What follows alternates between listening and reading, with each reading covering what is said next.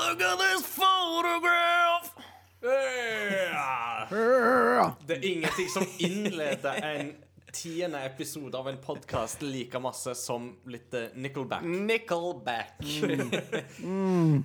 Jeg leste, jeg leste en veldig bra kommentar på et internett, i en internettdiskusjon en gang, der det, det, det, det der klassiske spørsmålet om eh, religion og vold og terror og greier, greier, der det var noen som poengterte at uh, blaming religious people for all violence in the world is like blaming Nickelback for all bad music.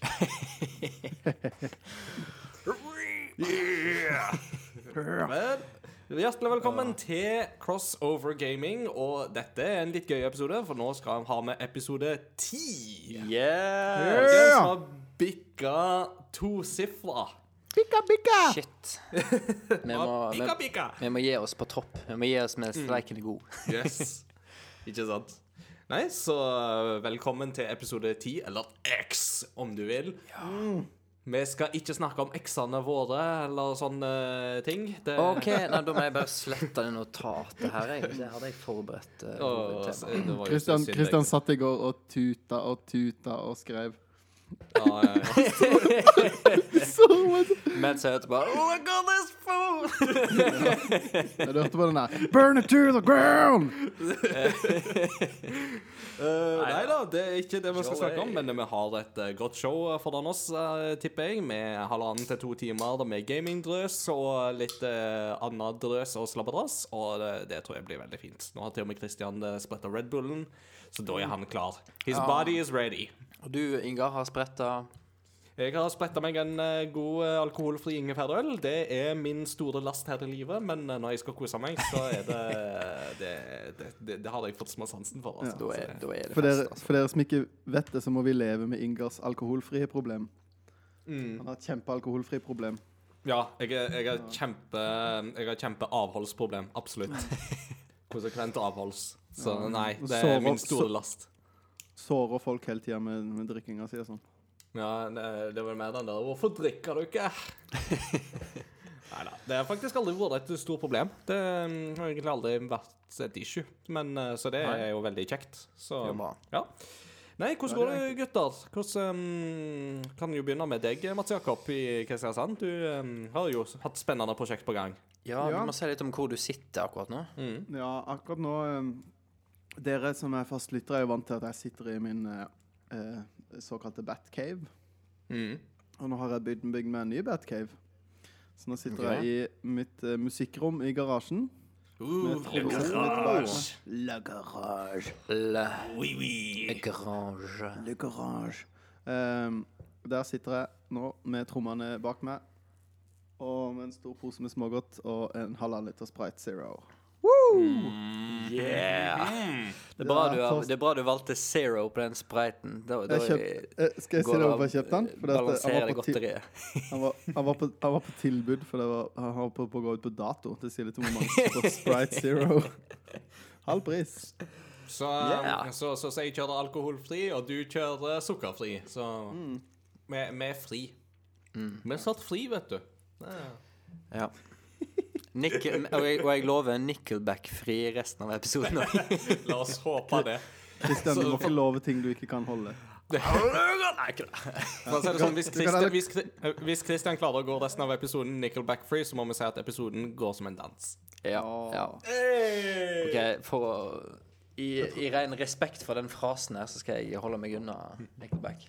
Mm, da får du Creed litt istedenfor. Ja. Ja, så, men ja, eh, Christian, hvordan, eh, du har jo spennende ting på gang nå eh, Ja. snart eh, neste uke, iallfall. Så Åh, det har vært eh, De to siste ukene har vært ekstremt busy, men uh, veldig veldig spennende å sjekke. For uh, jeg holder på å eh, eh, planlegge en Japan-tur. yeah! Som eh, er reise Som er Den, den reisa starter om to dager. Så når den episoden her kommer ut, altså på en mandag, da er vi Da er dere landa. i Harajuku, tror jeg. Ja, i Harajuku i Tokyo. Ja. Motedistriktet. It's Yeah. The street fashion district. That's my district, you know. Nei, men eh, så åh, det blir eh, veldig, veldig artig. Det er med jobben, da. Så um, det er jeg og en kollega kollega som reiser sammen med den uh, gaminglinja på, på bibelskolen Fjellhaug. Mm, det høres veldig gøy ut. Skulle gjerne vært med. Ja, skulle gjerne hatt deg med. Ja. Hatt eh, deg òg med, Mads Jakob. Ja, Men vært, eh, Next year in Jerusalem, uh, Tokyo. Ja. Hva må vi si da? vi, må, vi må jo ha som mål for den podkasten her da, at vi har en eller annen episode vi spiller inn sammen, alle tre, i Tokyo. Avtale. Spesialepisoden. Tre timer fra oss i Akihabara. Ja. Oh, bare, vi kan sitte i en sånn røykfylt arkadehall og høre på folk som spiller uh, dance rhythm-spill. Jeg, jeg, jeg trodde at vi skulle ha den episoden i en maid-kafé. At det plutselig så hører vi plutselig at noen kommer inn døra, og så hører du bare OK, Nina Seimase, går ikke inn sammen. Mjau, mjau. Nja, nja. Ja, mjau, mjau. Nei, nei. Nja, nja. Nja, nja. Ja. Katter. Katt, katter i Japan de sier ikke mjau, de sier nja. Nja, OK. For det, vi, når vi var i der, så de Jeg var i Tokyo i, for halvannet år siden. Og da eh, var vi på en sånn maid-kafé, og hun eh, Hun eh, maiden som var der, hun nekta jo å svare oss. Mm. Hvis ikke vi Hvis ikke vi eh, Hvis ikke vi sa njau, njau, og gjorde Mm. sånn Lagde sånn pote Ja. Pote eh, eh, Hva skal jeg si? Sånn potegest. Potegest. Ja, poter. Og vi satt der og bare Excuse me. uh, mm, som de Altså, En ting at vi er nordmenn, men vi var alle sørlendinger i tillegg. Så det var litt sånn Unnskyld at jeg eksisterer, kan jeg få en cola? uh, og så Og til slutt så drist så, så gjør Eivind sånn bare sånn Njau, njau. Og hun bare Yes? yes, master. Det er jo helt Det er ganske skrudd. Det, er, det, det må jo være som å være på maidkafé med Feiris Nyan-Nyan fra Steinsgate, antar jeg. Ja, kanskje. Som Jeg har da- ikke spilt ja. Steinsgate. Nei? Så Nei, det, det kom jo på Switch i løpet av året, faktisk. Det er det. Sånn, Jeg så det. eh, utgave. Så hvis dere ikke har vært Altså, Steinsgate er jo en av mine absolutt, absolutt favoritter når det kommer til visual novels, og Mm. Altså, det er Historien der det er kjempespennende og Mm. kjempesterk til tider. Altså, så den anbefaler jeg varmt for dere å sjekke ut hvis dere ikke har spilt Steinsgate før. når det kommer. Så Det finnes jo en anime òg, og animen er òg verdt å se. Men Ja. jeg syns fortsatt at spillet har kanskje et lite Altså, en visual novel er jo ikke et spill som krever veldig mye aktivitet, men Nei. Uh, nei. Nei.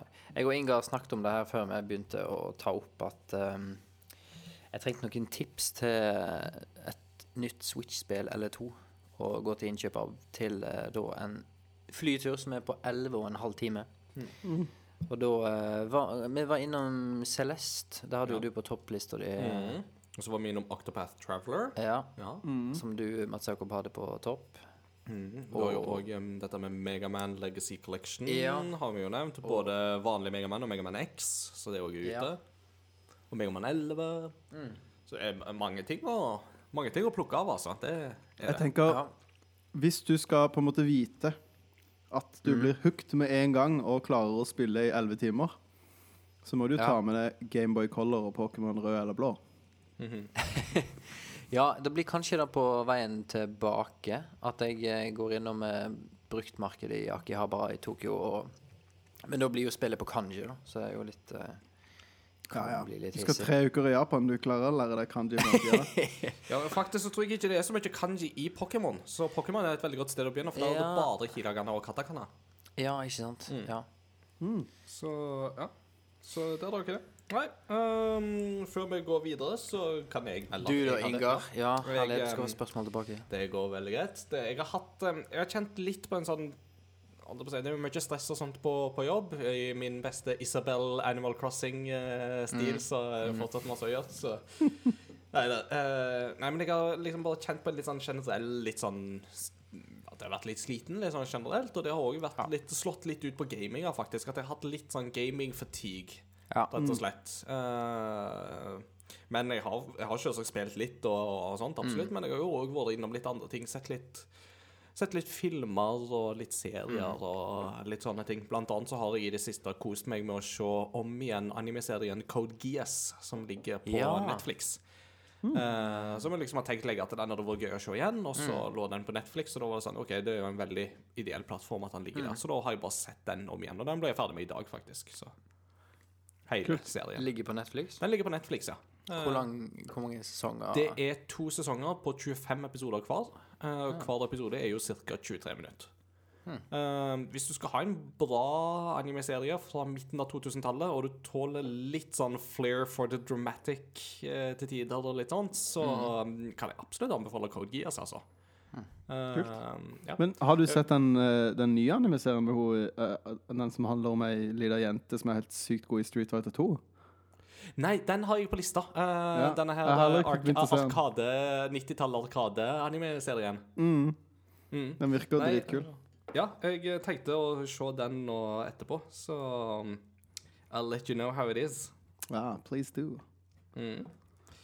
Vel, gutter, da er vi i gang med episoden. Og Yeah, yeah, før vi da skal ta vår um, eh, hva vi har spilt-segment, så tenkte jeg at vi skulle høre litt ifra våre lyttere.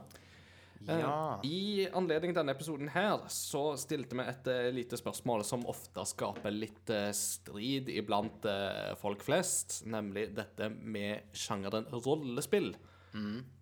Eller RPG, om du vil. Eh, da har vi egentlig ganske enkelt stilt spørsmålet Liker du rollespill? Og hvis du svarer nei, hvorfor liker du ikke rollespill? Og hvis du svarer ja, hva er favorittene dine?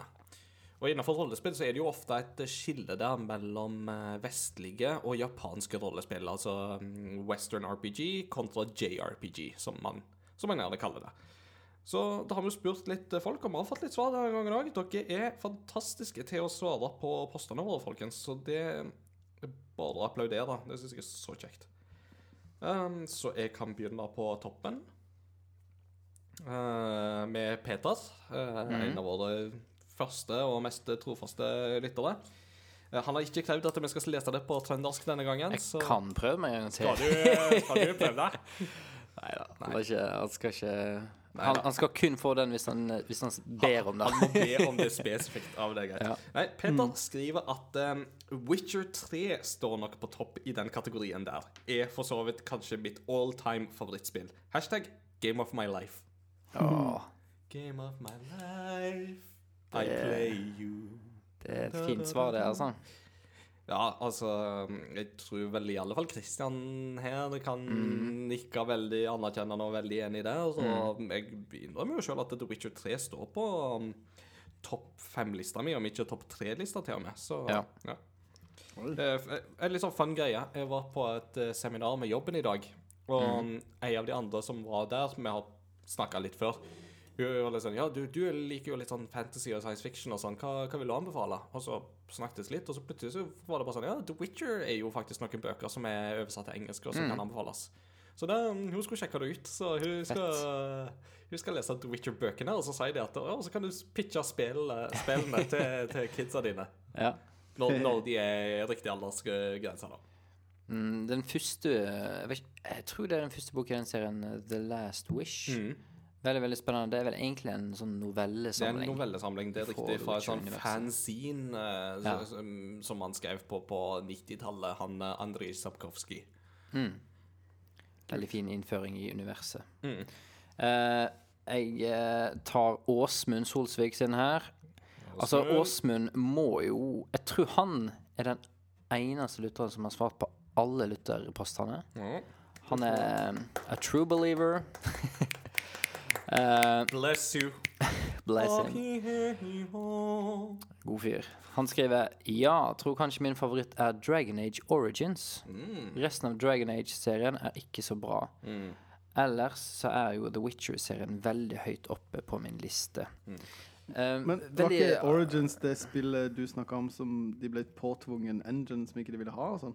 Nei, nei. Det eh, er Inquisition. ja, Ah, okay, ja, ja. Det som er litt sånn artig her, er at i denne boken eh, Jason Schreider, som heter Blood Sweat and Pixels, Pixels. ja. Eh, den, den tar jo for seg Dragon Age-serien, og Dragon Age Origins er eineren. Kjempesuksess. BioWare hadde god tid på seg. De brukte ganske mange år, faktisk. Og så kommer EA og vil ha en oppfølger. Og sier til BioWare at de får ett år på seg, som er Det var helt lite. latterlig Ja. hvor lite tid de fikk Ja. på Dragon Age 2. Og da sier BioWare bare Nei, da Så når de ser hvor lang tid de brukte på eneren, så tror jeg ikke det går bare Jo, jo, jo, nå har du jo uh, engine på plass, og bare bruk en del av de samme Jeg vet ikke om de sa det, da, men de var veldig tydelige på liksom Ja, ett år. Du får bare ett år.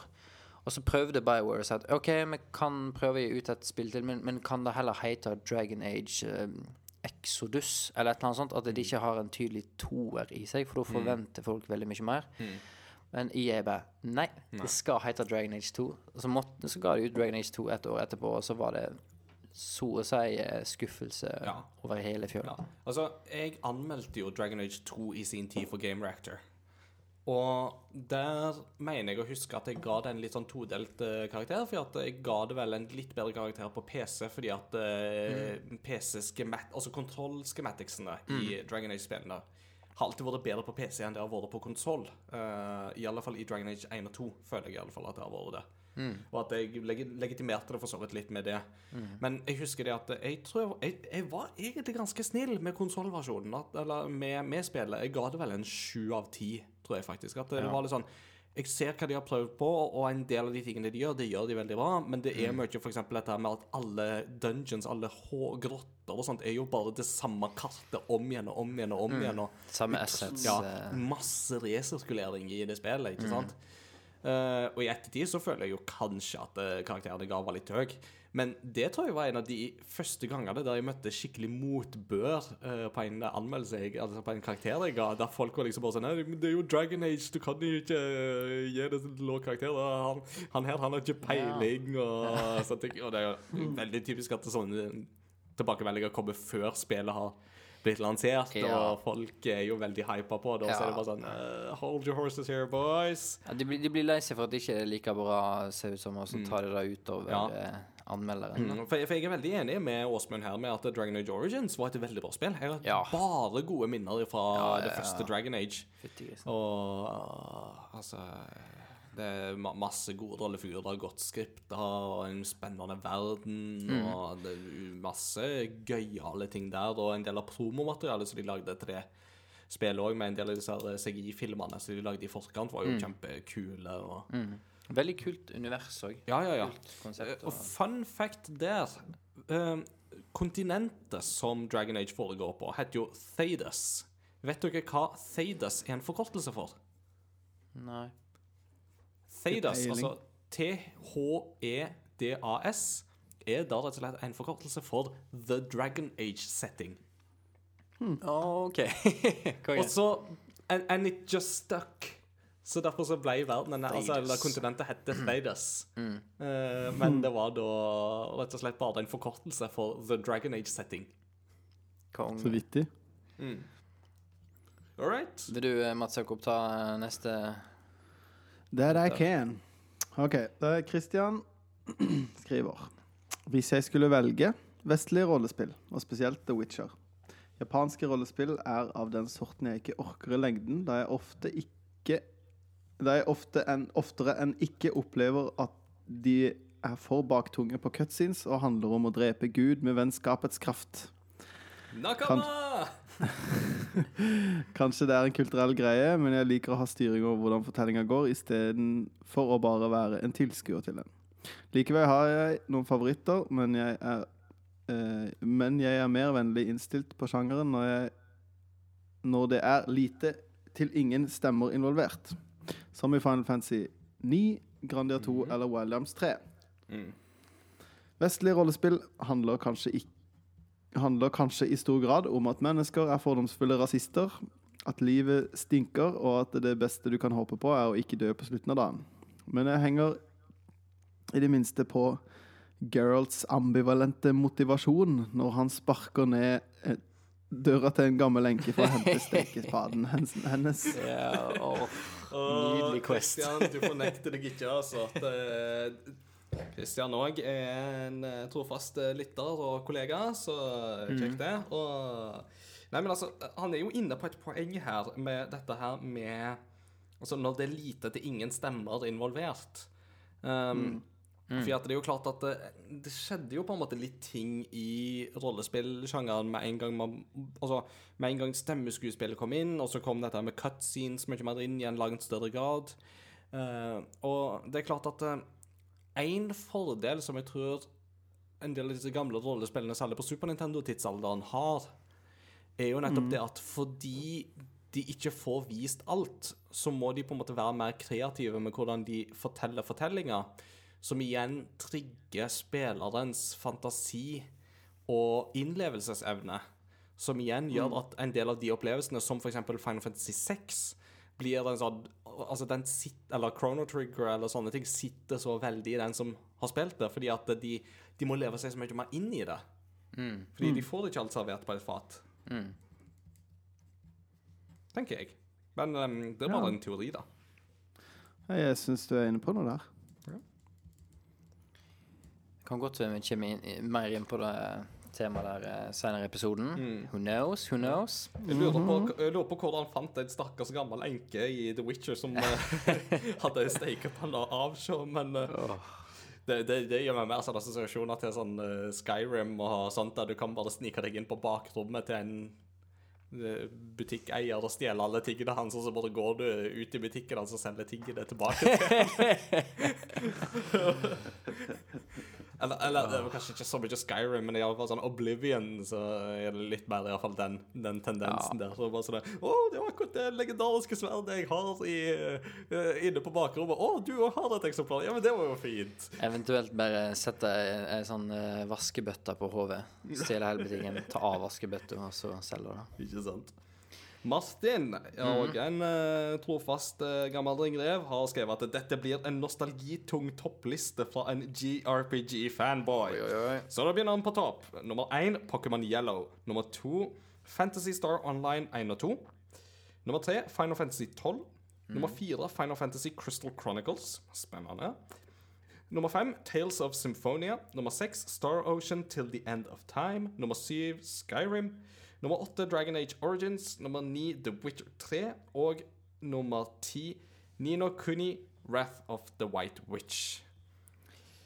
Har mange episke minner med RPG-er. Og så kommer han med en veldig fin historie her. Første gang jeg fikk lånespille Pokémon, var når jeg var på hyttetur med en kompis når vi var sju år. Jeg ble så hekta at jeg spilte hele natten og lot som jeg var sjuk dagen etterpå, mens de dro på skitur, så jeg kunne game mer på hans Gameboy. Klarte å slette min eneste Pokémon Charizard i prosessen. Imponerende. Eh, har også årlige sommerminner fra hytta der jeg bor. Jeg, broren min og fetter spilte Fantasy Star Online sammen på GameCube hele dagen. Ah. Samme fetter stjal jeg faktisk Final Fantasy Crystal Chronicles fra et år, så jeg kunne game det. Neste sommer lot jeg som jeg fant det på hytta, og ga det tilbake. Oi, oi. Altså Jeg har hørt alle disse historiene her før, Martin, men jeg tror ikke du har nevnt at du stjal Final Fantasy Crystal, Chron Crystal Chronicles. Du har bare sagt du spilte dem ikke, men det her er jo eh, interessant. We don't endor vi, vi, støtter ikke tyveri, men eh, er det tyveri når eh, folk får det tilbake, og eh, man bare kaller det låning? altså, har du sett filmen 'Lånerne'? Nei. Nei. Men eh, jeg antar lånerne! Nei, en, uh, i alle fall en knakende god historie der, og ikke minst veldig gøy å lese topp ti-lista di. Det var Ja. jo en uh, solid uh, liste med ganske mange, uh, mange serier representerte, så det var egentlig kjempeimponerende. Eh, Anders Lønning har vi vel ikke tatt? Nei, eh, det er en, eh, ny, kommen, en, en ny eh, kommentator. Velkommen skal du være. Anders. Velkommen. Velkommen til. Eh, jeg er veldig glad i rollespill innenfor alle subsjangre. Men etter hvert som jeg har blitt eldre, lener jeg meg mer på de som har større historiefokus, og ikke krever tonnevis med grinding. Favoritter må bli Witcher 3, Fallout New Vegas, Dragon Quest 8, Nino Kuni Wrath of the White Witch og Persona 4. Mm, mange gode der. God blanding mellom eh, vestlige og eh, østlige Mm, absolutt, absolutt. Og um, Persona 4 ble jo faktisk nylig Eller jeg ble jo ferdig med det sjøl i høst, så det har jeg jo ganske ferskt i, Ja. ferskt i minne. Uh, For min del så var det jo det med at det var jo Persona 5 som ga, ble inngangsporten min til Persona 4, selv om jeg eide Persona 4 i ganske mange år. Så, men uh, jeg fikk endelig den motivasjonen til å gå tilbake og spille det. Så Jeg ser at Witcher 3 går veldig mye igjen her nå. Witcher 3 går jo veldig ofte igjen, men det er jo ikke så rart, tenker jeg, at det For å være helt ærlig, det, det, det, det, kommer jo ikke som en overraskelse. Uh, for det er litt av et solid spill. Ja. Og jeg sitter jo fortsatt bare og venter på hva de gutta der kommer til å finne på med Cyberpunk 2077 når det kommer ut. Nesten så Og en skulle tatt noen feriedager. ja, men altså, jeg kommer helt seriøst Altså, jeg kommer nok helt seriøst til å ta meg ferie når Cyberpunk 2077 kommer ut, ja. for å spille det. Akkurat sånn som vi gjorde med Breath of the Wild, eh, Zelda, eh, mm. og, og, og Switch da det kom ut i, for to år siden. Så tok jeg jo faktisk ei uke ferie. Eh, det, var, det er en av de beste fedrene jeg har hatt, for å være helt ærlig. Er sånn, gi blaffen i Jeg gir jo egentlig blaffen i bading og soling og sånne ting. Det er sånn Det kan jeg jo gjøre liksom innimellom nå og Det kan jeg jo men- gjøre i Breath of the Wild. Jeg skjønner ikke. VR, man. Nice, du. VR. Nice, du. Nei, men uh, gode, gode kommentarer der for alle sammen. Eh, kjempe, uh, kjempeflotte greier, altså. Um, Jeg tenkte jo også på at Martin nevnte jo dette her med Nino Kuni. Uh, er jo også en sånn har dere, Fikk du Christian testa Nino Kuni 2, som kom ut nå i fjor? Ja. Ja. Jeg hadde det på femteplass Ja, på min topp stemmer. fem-liste. Du hadde det på topp fem-lista di. Det er helt riktig. Og jeg lånte Nino Kuni 1 av Martin. Ja. Eh, kom et ganske godt stykke, men eh, akkurat da så bodde jeg i en leilighet eh, med noen andre kompiser, og så delte vi alle tre på en TV, så liksom da få gamingtid når jeg både var student og jobba, var liksom ikke så lett. Så jeg, og det er jo et spill, det er jo en serie som krever ganske mange timer. Men ehm, men spesielt eneren, Nino Kuni 1, med Studio Ghibli cutscenes, er jo nydelig, da. Ja, det, er, det samarbeidet der, det var en sånn match made in heaven, mm. følte jeg, altså. Så Ja, det var storart, altså. Nei, det var ganske til- fantastisk. Nei, takk til dere som har kommentert. Da, mm, eh, vi kommer tilbake til litt av våre egne favoritter og sånt litt etter hvert. Eh, eh, som dere skjønner, så teaser dette her litt av eh, episodens tema. Oh. Eh, vi skal snakke litt om uh, hva vi har spilt i det siste. Men før vi gjør det, så vil jeg bare um, vi, vi pleier jo ikke å ta sånn fryktelig mange nyhetssaker, og sånn, for ofte så er jo en del av nyhetene litt utdatert når, vi, når de kommer ut. Men det er et par ting som jeg vil få lufta litt ut, både for å høre litt deres tanker, og, og lufta litt egne frustrasjoner. Uh, det første går til deg, Christian. Eh, nyheten om at Bungie og Activision skiller lag. Eh, for deg som er den store Destiny-spilleren av oss her, så hva har du å si om denne saken? Um, um, Hva føler du nå? jeg føler at det er en gledesak for uh, alle gamere. Nei, altså, med, en gang jeg Du sendte jo den uh, rett etter forrige podkastinnspilling. Ja, så for det var du den helt fast etterpå. Ja. Riktig. Og da um, eh, tenkte jeg med en gang åh, fett. Eh, men når jeg har lest meg litt mer opp på den nyheten, det lille som ligger ute For det er sånne ting som det her holder jo både Activision og Bungie ganske tett til brystet. Ja. Men ehm, Og litt hva andre folk mener, så, så tenker jeg at det må jo være en grunn til at Til at Activision har gitt slipp på Bungie. Ja. Ja. Og, eh, og litt av det som har skjedd her, er vel at eh, At det har kommet offentlig ut litt eh, ting som uh, f.eks. at enkelte Activision-topper mener at uh, Destiny ikke har solgt nok, og på en måte på den måten uh, underbygger de spillet litt. Så de har liksom mm. skada litt sitt eget uh, Mm. ja, Bungee sin, sin serie. Eh, men men eh, også har nok Bungie med Activision i ryggen hatt vanvittige med ressurser. Og nå står jo Bungie på egne bein, fordi de skilte jo lag med Activision, men fikk beholde Destiny. ja, for det er jo det imponerende her. Ja. men da høres det jo ut som at uh, det har vært et eller annet Activision har brutt, da, som Ja. gjorde at Bungie kunne ta med seg Destiny. Mm. Eh, sånn kontraktmessig. Men, men eh, så jeg håper jo bare at At Jeg tror nok det her gir Bungie større kreative, kreativ frihet. Mm. Men jeg bare håper at det går hånd i hånd med at de klarer å overleve økonomisk. da. Ja. Nå hadde jo, altså for Det er jo interessant er jo at du nevnte jo dette her med at Activision var jo litt ute i høst og sa at vi er ikke så fornøyde med Destiny 2-salget, og da særlig med Forsaken, utvidelsespakken. Mens Bungie på sin side gikk jo da ut med kontrabeskjed og bare Ja, altså, vi er på vår side. Vi er jo kjempefornøyde. Eh, og at det var jo veldig tydelig allerede der og da at eh, Activision og Bungie de, altså, de, de så på ting veldig vidt forskjellig. Ja. Og det er klart at Activision har jo etablert et rykte på seg for å være veldig pengeorienterte og veldig pengesentrerte. Eh, og det er klart at de er et av de største selskapene på markedet, og da er det klart at da er penger en viktig issue, ikke sant? Ja. Men når man begynner på en måte nå etter hvert å få litt historier om hvordan Activision ønsker å ta litt mer på en måte ledelsesgrep inn i Blizzard, som de jo er, er en eier av, ikke sant, og at de ønsker kanskje å styre mer på en måte Blizzards kurs med tanke på dette med penger og økonomi og organisasjonsstruktur og lignende. Så det er klart at det, det er ikke veldig på en måte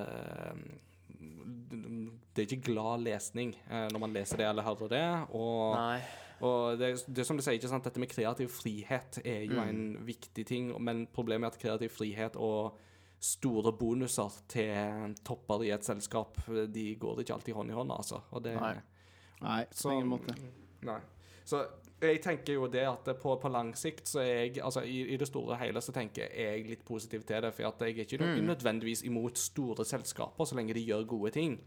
Eh, Mm. Men jeg føler ikke at Activision er det rette selskapet for å eie et selskap som Bungie, eh, faktisk. Nei, altså Jeg, jeg, jeg syns nok at litt av de mest spennende spillene vi har fått de siste årene, har enten kommet ifra utviklere som eh, gir ut sine egne spill, sånn som CD Project Red, Mm.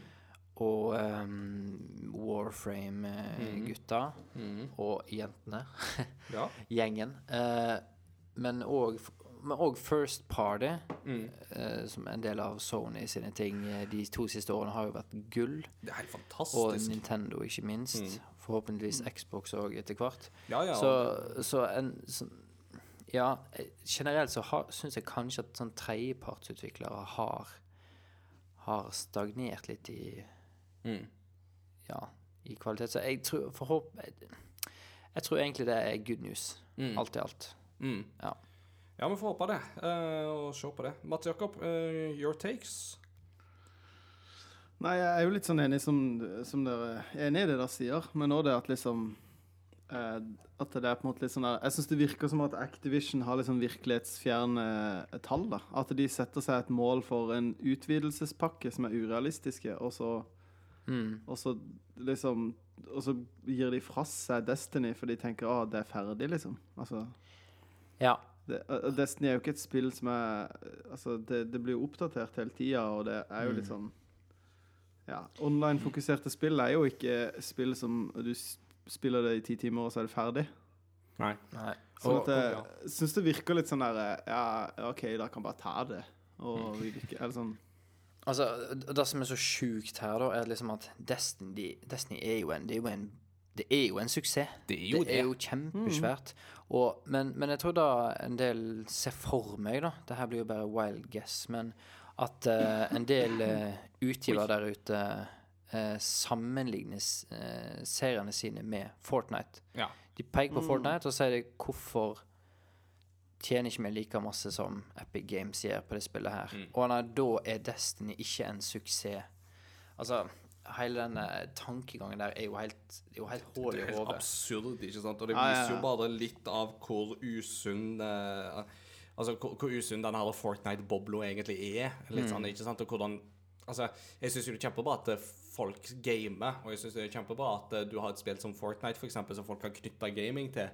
Men jeg vet ikke helt hva jeg syns om at det er Fortnite folk knytter den gaminga til. Hvis du skjønner hva jeg mener. Nei. Mm.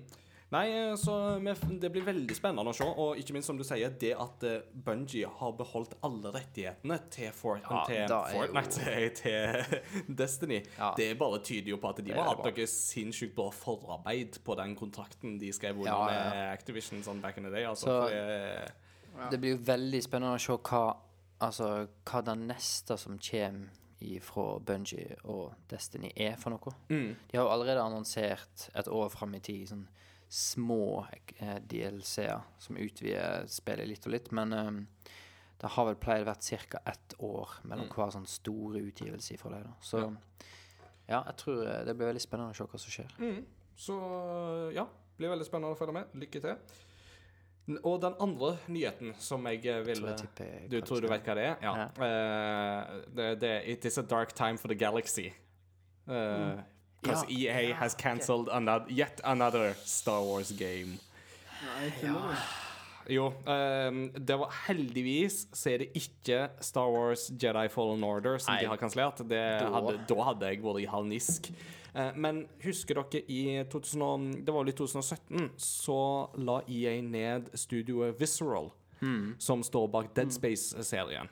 For de holdt jo på med å lage en Star, et Star Wars-spill med Amy Henning, Hennig i, em, som en av manusforfatterne. Og du, Mats Jakob, bør jo kjenne til hvem hun er, for hun har jo skrevet de tre første Uncharted-spillene. Ja. Ja. Altså, hun står jo bak eh, historien i Uncharted 1, 2 og 3, eller eh, var på en måte lead writer for de. Og skulle jo da mm, skrive historien for dette her eh, Star Wars-spillet som Visceral holdt på med. Så ble det lagt ned. Eh, veldig mye, bl.a. blant annet fordi at Visual sleit med en del av de tingene som eh, en del EA-studioer sliter med, nemlig det med at EA har den policyen om at du skal bruke Frostbite-grafikkmotoren.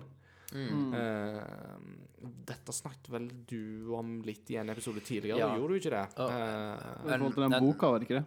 jo, Jo. i forhold til den boka Dragon Age Inquisition er jo et, et eksempel på et spill som har Ja. sleit med det. Og det var jo etter den Det var jo rundt kanselleringen av eh, det Star Wars-spillet til Visual Games at the famous quote fra en EA-topp kom, som var Ja. single player games eh, Ingen folk Eller folk bryr seg ikke om single player story-orienterte spill ja, lenger. Ja, det var grunnen det, Sa de Det, var, det sa de var en av hovedgrunnene til at det spillet ble kansellert. Og du bare tenkte allerede da For noe søppel. Ja. Unnskyld meg, men jeg, jeg kunne ikke vært mer uenig. altså, se på 2017 som eh, og 2018 som spiller. Hva spill utenom Fortnite og PubG og de, Hva er det som har solgt og virkelig blitt på en måte de store suksessene? Det er Zelda, Zelda, God of War. eh, det er Persona 5, Horizon Zero Dawn, mm. Spider-Man, uh, Assassin's Creed Origin, Assassin's Creed uh, Odyssey. Eh, Altså, markedet for uh, Pillars of Eternity 2 har jo kommet ut òg. Altså, du får jo ikke mer historiesentrert enn Og Divinity Original sin 2 har jo òg kommet ut. Altså, markedet er jo definitivt til stede for I den slags stor grad er Red Dead Redemption 2. Og Red Dead Redemption 2, ikke minst. Så eh, ja. Men eh, ja, det var i hvert fall der det kjente sitatet som jeg ikke helt klarer å gjengi, kom ifra. Så, Men, eh, i hvert fall um, Så etter at Visceral ble lagt ned, så Mm. shippa EA en del av dette kildematerialet over til et annet understudio. Og liksom sånn eh, Her har dere det. Se om dere kan på en måte lage et eh, spill ut ifra dette her. Forandre litt på det. Vi vil ha det litt mer sånn Games as Service-type ting, med litt sånn online uh, Forhåpentligvis med loot crates og Mm. di- diverse, diverse. Eh, og så er det da det som nå har blitt lagt ned, og at de har sagt at det, det blir ikke noe av, vi får ikke gjort noe med det. Eh, vi vil heller bygge noe nytt som kanskje er noe mindre. Eh, og det, det, det er jo ikke sagt direkte, men det hintes jo til at vi sikter oss kanskje inn mot neste konsollgenerasjon. Men det er så, det er så hvis, hvis alt det her stemmer om ting som blir sagt, og hva jeg vil ha og sånt Det er så tåpelig måte å lage spill på. Å gå til et spillstudio og si Ikke, ikke si vi vil ha et En ting er å si vi vil ha et uh, singleplayer Star Wars-spill, eller vi vil ha et multiplayer Star Wars-spill. Men å si vi vil ha, ha en sånn sjekkliste Vi vil ha sånn, vi vil ha sånn, og sånn, og sånn, og sånn, og sånn. så, så får du jo en gjeng med spillutviklere som, gans, som ganske sannsynlig eh, ikke er gira på det de skal lage. Mm. For da at du har ikke gitt de eh, stor nok eh, kreativ frihet, og de får ikke teste ut nok prototyper til liksom OK, vil vi lage singleplayer? Vil vi lage multiplayer? Hva, hva er vi gira på? Du burde heller bare gitt dem liksom lisensen og lawmaster sagt enten det må holde dere til Ken, eller det kan få lov å gå utafor Ken, eller Og ja. kroneksempler på et studio som fikk lov til det, og som gjorde det riktig, det var jo Rocksteady med Batman Arkham Asylum. ja, ikke sant?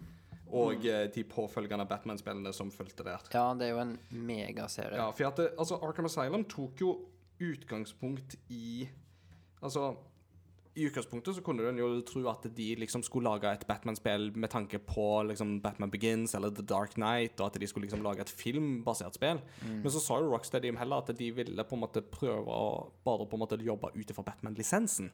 Og det fikk de faktisk lov til. Og resultatet var at de tok utgangspunkt i tegneserien Arkham Asylum, som er en eh, god Batman-historie fra 80-tallet.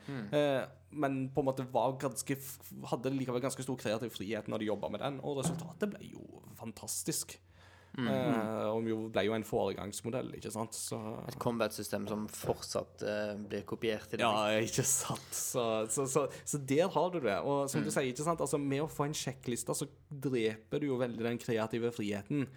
Og du kan sikkert lage et greit spill ut fra en sånn sjekkliste, men jeg tviler på at du får et fantastisk spill ut fra en sånn sjekkliste. Eh, fordi det vil rett og slett mangle sjel. Ja.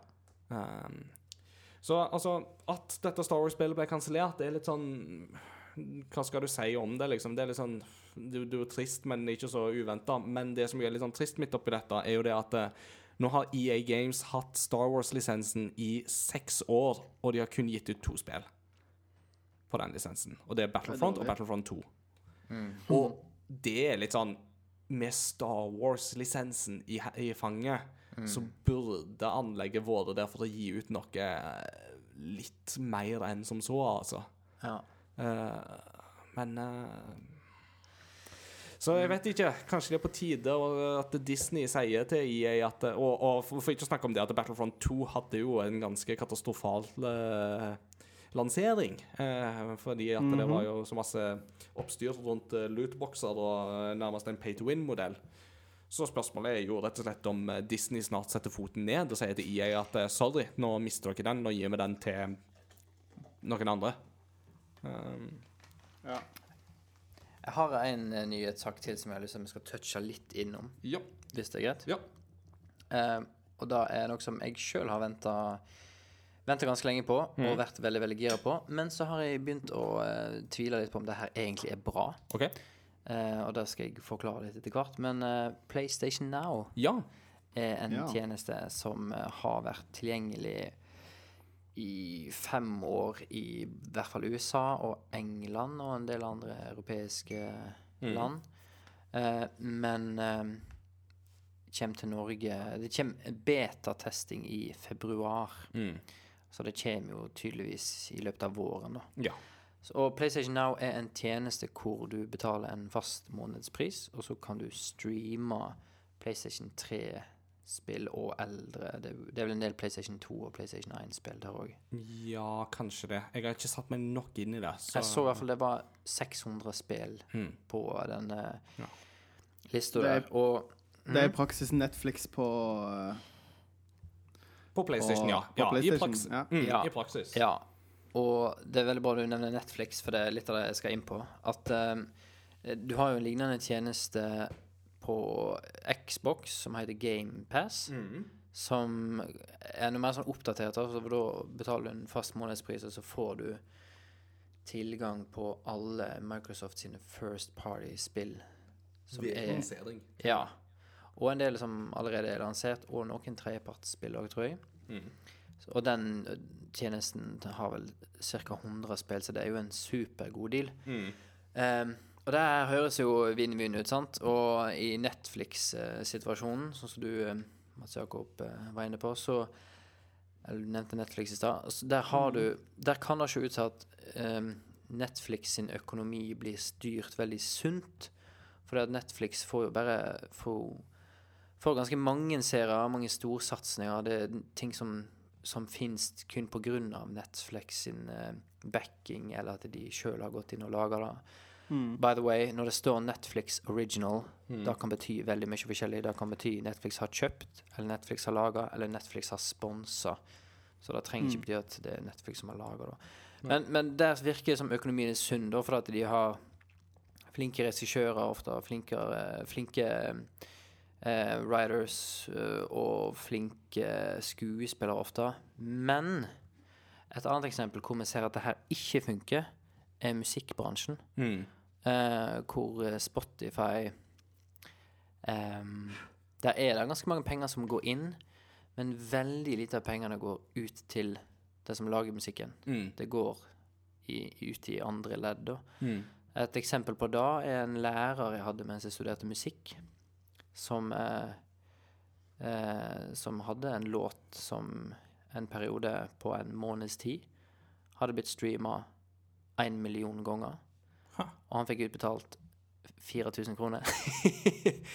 som er jo ingenting. Nei, ikke sant. Um, og, og, og der er liksom litt av poenget mitt òg, at, at vi veit ennå ikke hvordan hvordan det her påvirker de som faktisk lager spillene. Mm. Hvordan det økonomisk påvirker Én ting er liksom eh, Sony og Microsoft sine egne studio, for de har allerede Microsofts backing, så der vil jo på en måte gå rundt. Mm.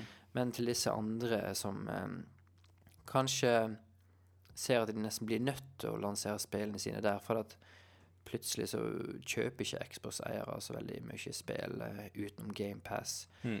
Skulle det da skje, da. Så, så der er jeg litt sånn Streaming er jo alle sin uh, våte drøm, holdt jeg på å si, men, men det, vi har sett eksempel på at det ikke er så sunt da, Mm. for, eh, for eh, den kreative sida av uh, Ja, ikke sant. bransjen. Men, Jeg syns ikke det er sunt sånn Hvis jeg skulle på en måte plutselig hatt med spill sånn som jeg har det med Netflix, så hadde jeg jo sannsynligvis endt opp med å spille mindre. Jeg bruker jo Ja, halve kvelden på å finne ut av hva jeg skal se på Netflix. Ja, og, og kanskje spilt mange spill, men bare spilt de bitte litt. Ja, når du har tilgang på masse. Eller sånn, det var jo Ja. Det som mange har snakka om når du, var, når du var liten. Så fikk du et Mhm. dårlig spill til jul. Så ble du allikevel god i det spillet. Fordi at mm. det, det, var Det var det, det var det, nye, det var det nye spillet du hadde. ja, du committa deg til det, liksom. Ja. Så det er liksom der, eh, Selv om eh, Ja, typ sånn. Det var en av grunnene til at jeg, eh, til at jeg faktisk kom langt nok i Star Fox Adventures på GameCube til at det faktisk ble gøy. Ja. Eh, som er et kjempespill. Men, Mm. men når du begyn begynnelsen er sykt rar, Mm. og du skjønner ingenting, og du tenker at dette har ikke noe med Star Fox å gjøre i det hele tatt. Og så når, du- når du kommer liksom litt inn i det og har spilt et par timer, så er det litt sånn ah, OK, det er litt sånn, det her er Zelda, bare med Fox McCloud. Ja. Ja, og jeg tenker jo òg i forhold til hele denne streaming-diskusjonen, så er det jo òg alltid dette spørsmålet om hvor lenge et spill faktisk Eller hvor lenge en ting faktisk er tilgjengelig gjennom den tjenesten. ja for, Eh, for det er jo noe med lisenser som går ut, og det kan Ja. oppstå konflikter, og ting kan bli tråkket, og jadi, jadi, jadi. Og det, det skjer jo allerede nå i spillebransjen digitalt. Altså Bare eksempelet med at Lego Hobbiten og Lego Ringenes herre eh, De var jo gratis på Humble Bundle i desember. Og rett etter at den perioden var ute, så ble de spillene tråkket fra alle digitale plattformer. Mm. Sånn at hvis du ikke eier de spillene fysisk, eller har på en måte sikra deg de digitalt tidligere, så er det sånn too bad, da får du ikke tak i de. Ja, det er noen lisenser som går ut. Da er det og- typisk at det er en eller annen lisens som har gått ut med Warner Ja, Bros. eller ja. noe sånt. Eller, og, altså, Alan Wake hadde jo det problemet med at Alan Wake forsvant jo, ikke sant? Mm. Og så kom det tilbake igjen. Uh, men òg Too Human er jo òg et sånt kroneksempel på et spill som eh, rett og slett måtte, fikk en sånn season desist eh, etter at det spillet var gitt ut. så ja. Mm, Ja. Men altså så, Men med sånn nett, altså, Men med sånne strømmetjenester og sånn, så er det jo Er du plutselig veldig fort i en faresone der spill kan på en måte komme og gå litt uten at du sjøl har eh, kontroll på det. Um, og for min del i alle fall så er jo det en av grunnene til at jeg fortsatt foretrekker å faktisk kjøpe ting. Eh, Fysisk, Ja, ja. fysisk. Og det gjelder Altså, musikk kjøper jeg ikke fysisk, men jeg kjøper mye av musikken jeg hører på. Ja. Faktisk. For å. Ja. Altså, fordi at det, det, det, har, det føles på en måte mer som at jeg har det tilgang på en, Ja. på en rettighet da, enn om jeg bare strømmer det. Altså. Ja. Um, et eksempel på det der eh, digitale greiene som Altså For det er jo det som du sier, at du Det er jo i mange tilfeller mer det at du leier det, enn mer enn at du eier det. Ja, det er det. Et eksempel på det er jo um, de av dere der ute som har PlayStation 4, eller kjenner godt til systemet, så har du jo den der PlayStation Plus, Mm. som er hvis du skal spille online. Og så får du vel òg en del rabatter, og du får i hvert fall to gratisspill i måneden. Mm. I hermetegn. Får. Du får i hermetegn, ja. For uh, mitt abonnement på PlayStation Plus Jeg hadde et år. Det gikk ut sånn i uh, desember-januar-skiftet. Og så hadde jeg fornya jeg det ikke automatisk. Skrudde på PlayStation etter jeg kom tilbake fra juleferien. Skulle teste å spille Rayman Legends litt grann, med en niese som eh, Som hadde lyst til å spille det. Og så er det låst. Og så er det bilde av en sånn der em, Av en eh, lås, da. En fysisk lås. Og så viser det seg at nei, du har ikke et aktivt PlayStation Plus-abonnement. Du får ikke spille det lenger. Nei, nei. Så da må, OK, da må jeg aktivere abonnementet for å leie Mm. eh, Rayman Legends. Men så blir det lagt fram som en sånn herre Ja, da får du det spillet her. Mm. Og så Det, gjør det det, egentlig ikke litt, ja, det, det er litt sånn Det, er sleipt. Ja. Det er litt sleipt, det er det. Ja. Eh, så vi får mene hva vi det sånn, Jeg tror ikke vi sitter på en fasit på dette, og jeg tenker at det, det blir spennende å se hva PlayStation Plus Nei, Now ja. tilbyr. For du sier det at det er gamle spill i hovedsak eh, det konsentrerer seg om, altså PlayStation 3 og Ja, jeg tror- gjerne eldre. Jeg tror ikke det er PlayStation 4-spill i det hele tatt. Okay. Jeg hørte noen andre snakke om det her, og, og de snakka om at iallfall i USA, da, så er jo liksom eh, Det store problemet er jo at de fleste har jo ikke I USA er jo eh, internett er jo en litt annen greie enn det er her. Ja. Ja. Og det er veldig mye godt å dyrere. Og, og, og i Norge så er vi velsigna med god råd og bra internett. Ja. Hvis du vil ha Og det. mm, Og, det, det, og det å streame i 4K er jo eh, i USA for veldig mange helt umulig. Mm. Så hva er poenget med å ha en PlayStation 4 Pro med, et streaming, med en streamingtjeneste hvor du ikke har sjanse til å streame det sånn at det ser bra ut? Ja, ik ikke bare, ikke bare liksom at internetthastigheden kan være dårlig og dekningen dårlig, men jeg tror så å si nesten alle internettilbydere i USA har, er- så er det samme greie som med mobildata i Norge, at du har en cap Mm. på at ja, ja, den husstanden her har den hastigheten her, og har 250 gigabyte i måneden Mm. på wifi. Og så Det det. blir den brukt opp, så er du Og det er veldig sånn som du sier der, Mats Jakob, at i, her i Norge så har vi faktisk infrastrukturen for det. Eh, og vi tenker ofte sånn at hele framtida er digital, og hele framtida ligger i nettet og sånne ting. Men som du sier, bare i et land som USA, så er det der situasjonen helt annerledes. Ja. Og det er ikke bare, du skal, trenger ikke å dra så langt heller. Storbritannia, Spania Det er òg et land der den type infrastruktur er mye mindre utbygd enn det den er her til lands. Her i Norge så er vi velsigna med at vi ligger ganske i foregangsløypa når det kommer til, den, eh, altså til internettinfrastrukturen. Som gjør at sånne tjenester blir veldig attraktive for oss. Jeg merker at mm. etter PlayStation er ute, så eh, må vi gå tilbake og ha det som et hovedtema en gang. Og gå enda litt dypere i det. Absolutt. Det her eh, var gøy. Nice. Veldig gøy. Men nå har vi drøsa lenge, så jeg tror vi går videre til um, vårt faste segment med Det var jinglen. Hva har du spilt? Nei. Jeg kødder. Nei, Nei, nei, nei, nei, nei, nei, nei. Ikke begynn å synge. Do not sing! No singing! Iallfall ikke Nick Novak. Du kan eventuelt få lov å ta en Limp no. Du kan få lov å ta en Limp Biscuit hvis du heller vil det. Men eh, det skal du få slippe. Så, Mats Jakob, hva har du spilt siden sist? Du, jeg har spilt ett spill. Ett Og spill? det er fordi at eh, jeg har snekra. Og fordi at uh, jeg holder på med Uncharted 3. Ja. Ja. ja, ja, Sånn at eh, det er liksom Det blir litt som Å spille Uncharted det er litt sånn Det blir litt som å se to filmer på en gang. Du Ja. liksom se, ser han ferdig, og så begynner du på en ny film. Så Det er som å skulle- spille vært litt ja. sånn Ja. Jeg kunne spilt Smash, liksom. Det hadde jo Mhm. ikke ødelagt noe. Men, eh, men eh, det er liksom det lille tida jeg har eh, valgt å bruke på spill når jeg har fått tid til å bygge, den uh, har jeg brukt på Uncharted 3. Ja. Riktig. Mm. Og det er veldig gøy. Ja. Uh, Uncharted 3 så tenker jeg jo at eh, Du nevner jo det med film, men det er jo um, veldig gøy hvordan de på en måte stadig refererer til Lawrence of Arabia-filmen, med tanke på at eh, det er jo baserer seg jo på notater som T. Lawrence visstnok gjorde på jakt etter Rubal Kali og Men at det er veldig mange på en måte, det, det er mange paralleller til Lawrence of Arabia-filmen og eh, ikke bare det med at han ene bare sier 'great movie' og sånt, når det liksom plutselig blir snakk om Lawrence. Eh, men, men at det er sånn, hvis du setter deg ned og ser Lawrence of Arabia og spiller Uncharted 3 omtrent samtidig, så ser du at det er noen likhetstrekk der. Ja, det vil jeg tro.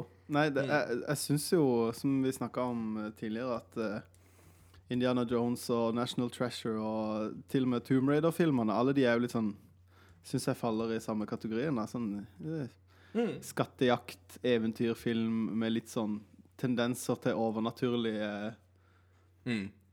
Mm. Liksom At det ligger noe overnaturlig bak, da. Mm. I, sist, du- I siste akt får du alltid et eller annet overnaturlig. Ja, ja. ja det, er litt som, det er litt som den der eh, eh, Den, eh, den Indiana Jones-filmen som man ikke skal snakke om. Ja, den hvis navn ikke må nevnes.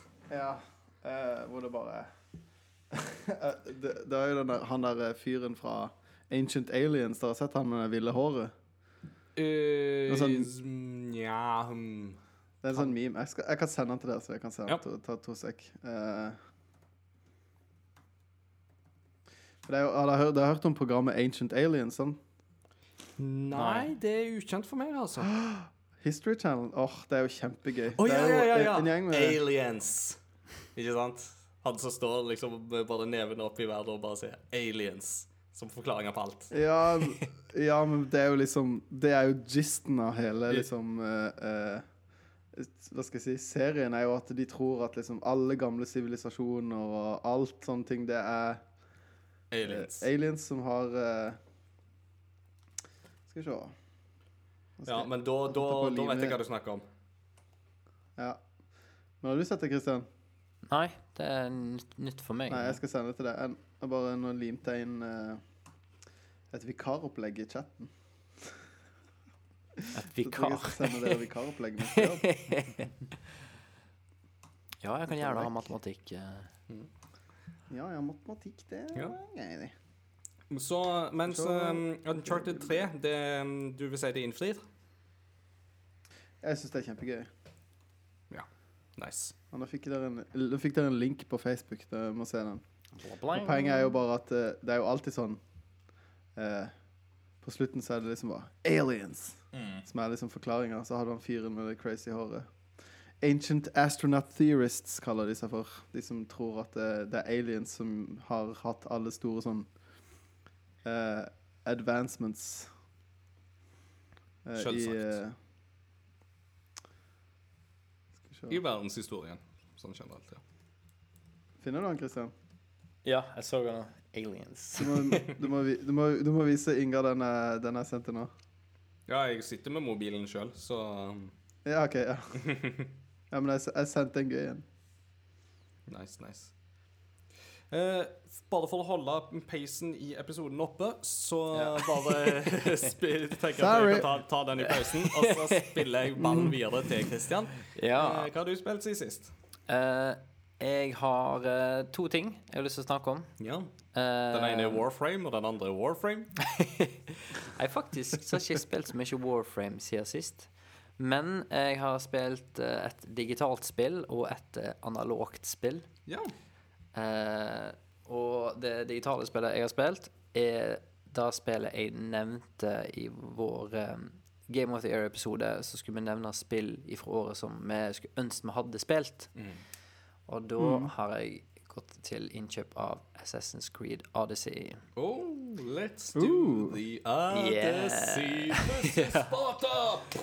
Altså, jeg tror kanskje ikke det hadde hett Odyssey hvis ikke Super Mario Odyssey kom ut. Jeg tror det er en blank kopi navnmessig der. Hva med Abes Odyssey, da?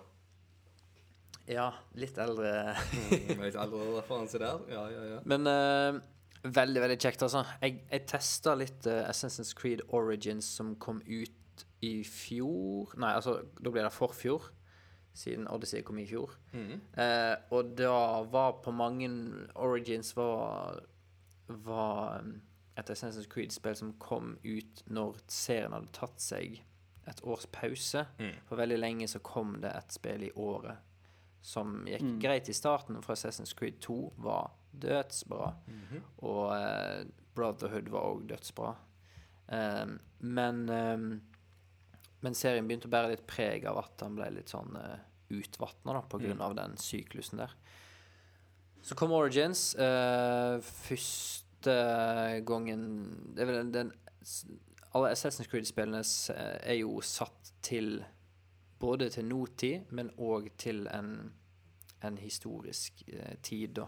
En veldig sånn Ja. Uh, der er Origins satt til uh, Egypt. Og det er vel satt til ikke oldtidens Egypt. Nei, men det satt til under- Kleopatras Egypt, så Ja. da snakker vi sånn år, rundt år 50 før Kristus. Ja. Så det er liksom i Ptolemaios-tida.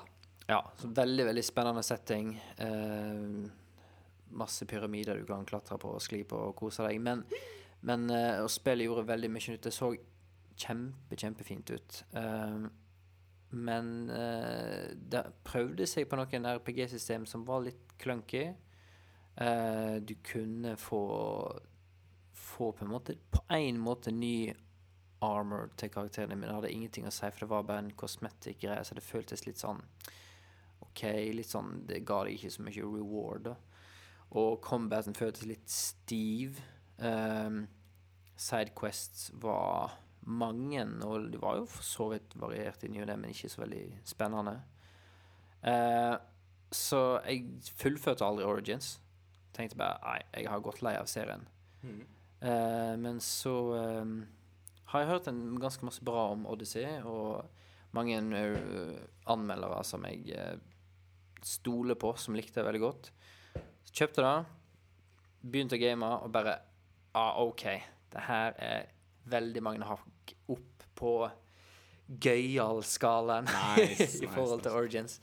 Så, Så eh, Kvalitetssikringsspørsmål. Spiller du som Cassandra? Faktisk ikke. Thank you and good night. Men det er faktisk litt fordi at eh, de fleste andre jeg har snakka med som spiller det spillet her, spiller som ho. Mm. Og så har jeg sett på begge karakterene, så har jeg tenkt Cassandra virker som den karakteren som er best gjennomført, og den beste skuespilleren. Men jeg har lyst på en litt annen opplevelse enn de jeg Ja. prater med om dette spillet. her. Ja. Så jeg valgte Alexios. Mm. Eh, som er en karakter som vokser på meg, men han er nok eh, ikke så fet som Cassandra. Eh, men eh, i hvert fall eh, Loot-systemet er kjempe-rewarding. Veldig, veldig kult. Eh, Kult. Jeg er alltid glad i spill som har spesifikt En del spesifikk lut. At, at alt er ikke randomized. Da. At, Mm. eh, og da mener jeg ikke randomized i hva du får, men randomized i at spillet setter bare tilfeldigvis sammen et stykke armor Mm. med tilfeldige tall og tilfeldige navn. Og, men det er, liksom, det er litt mer mening bak luten. Combaten er utgangspunktet i Origins, men finpussa. Eh, spillet flyter bedre. De har hatt ett år til på seg med samme engine. Eh, satt til eh, Aten, Romerriket. Um, du kan joine en eh, borgerkrig mellom Spartans og Aten. Men det er vel ikke i Romerriket, for dette er jo vel på 400-tallet. Så det er jo før uh, Romerriket blir Ja, en eh, ja. faktor. Ja, ja, det er det. Du, du er en Spartan, Ja. er du. Ja. Mm.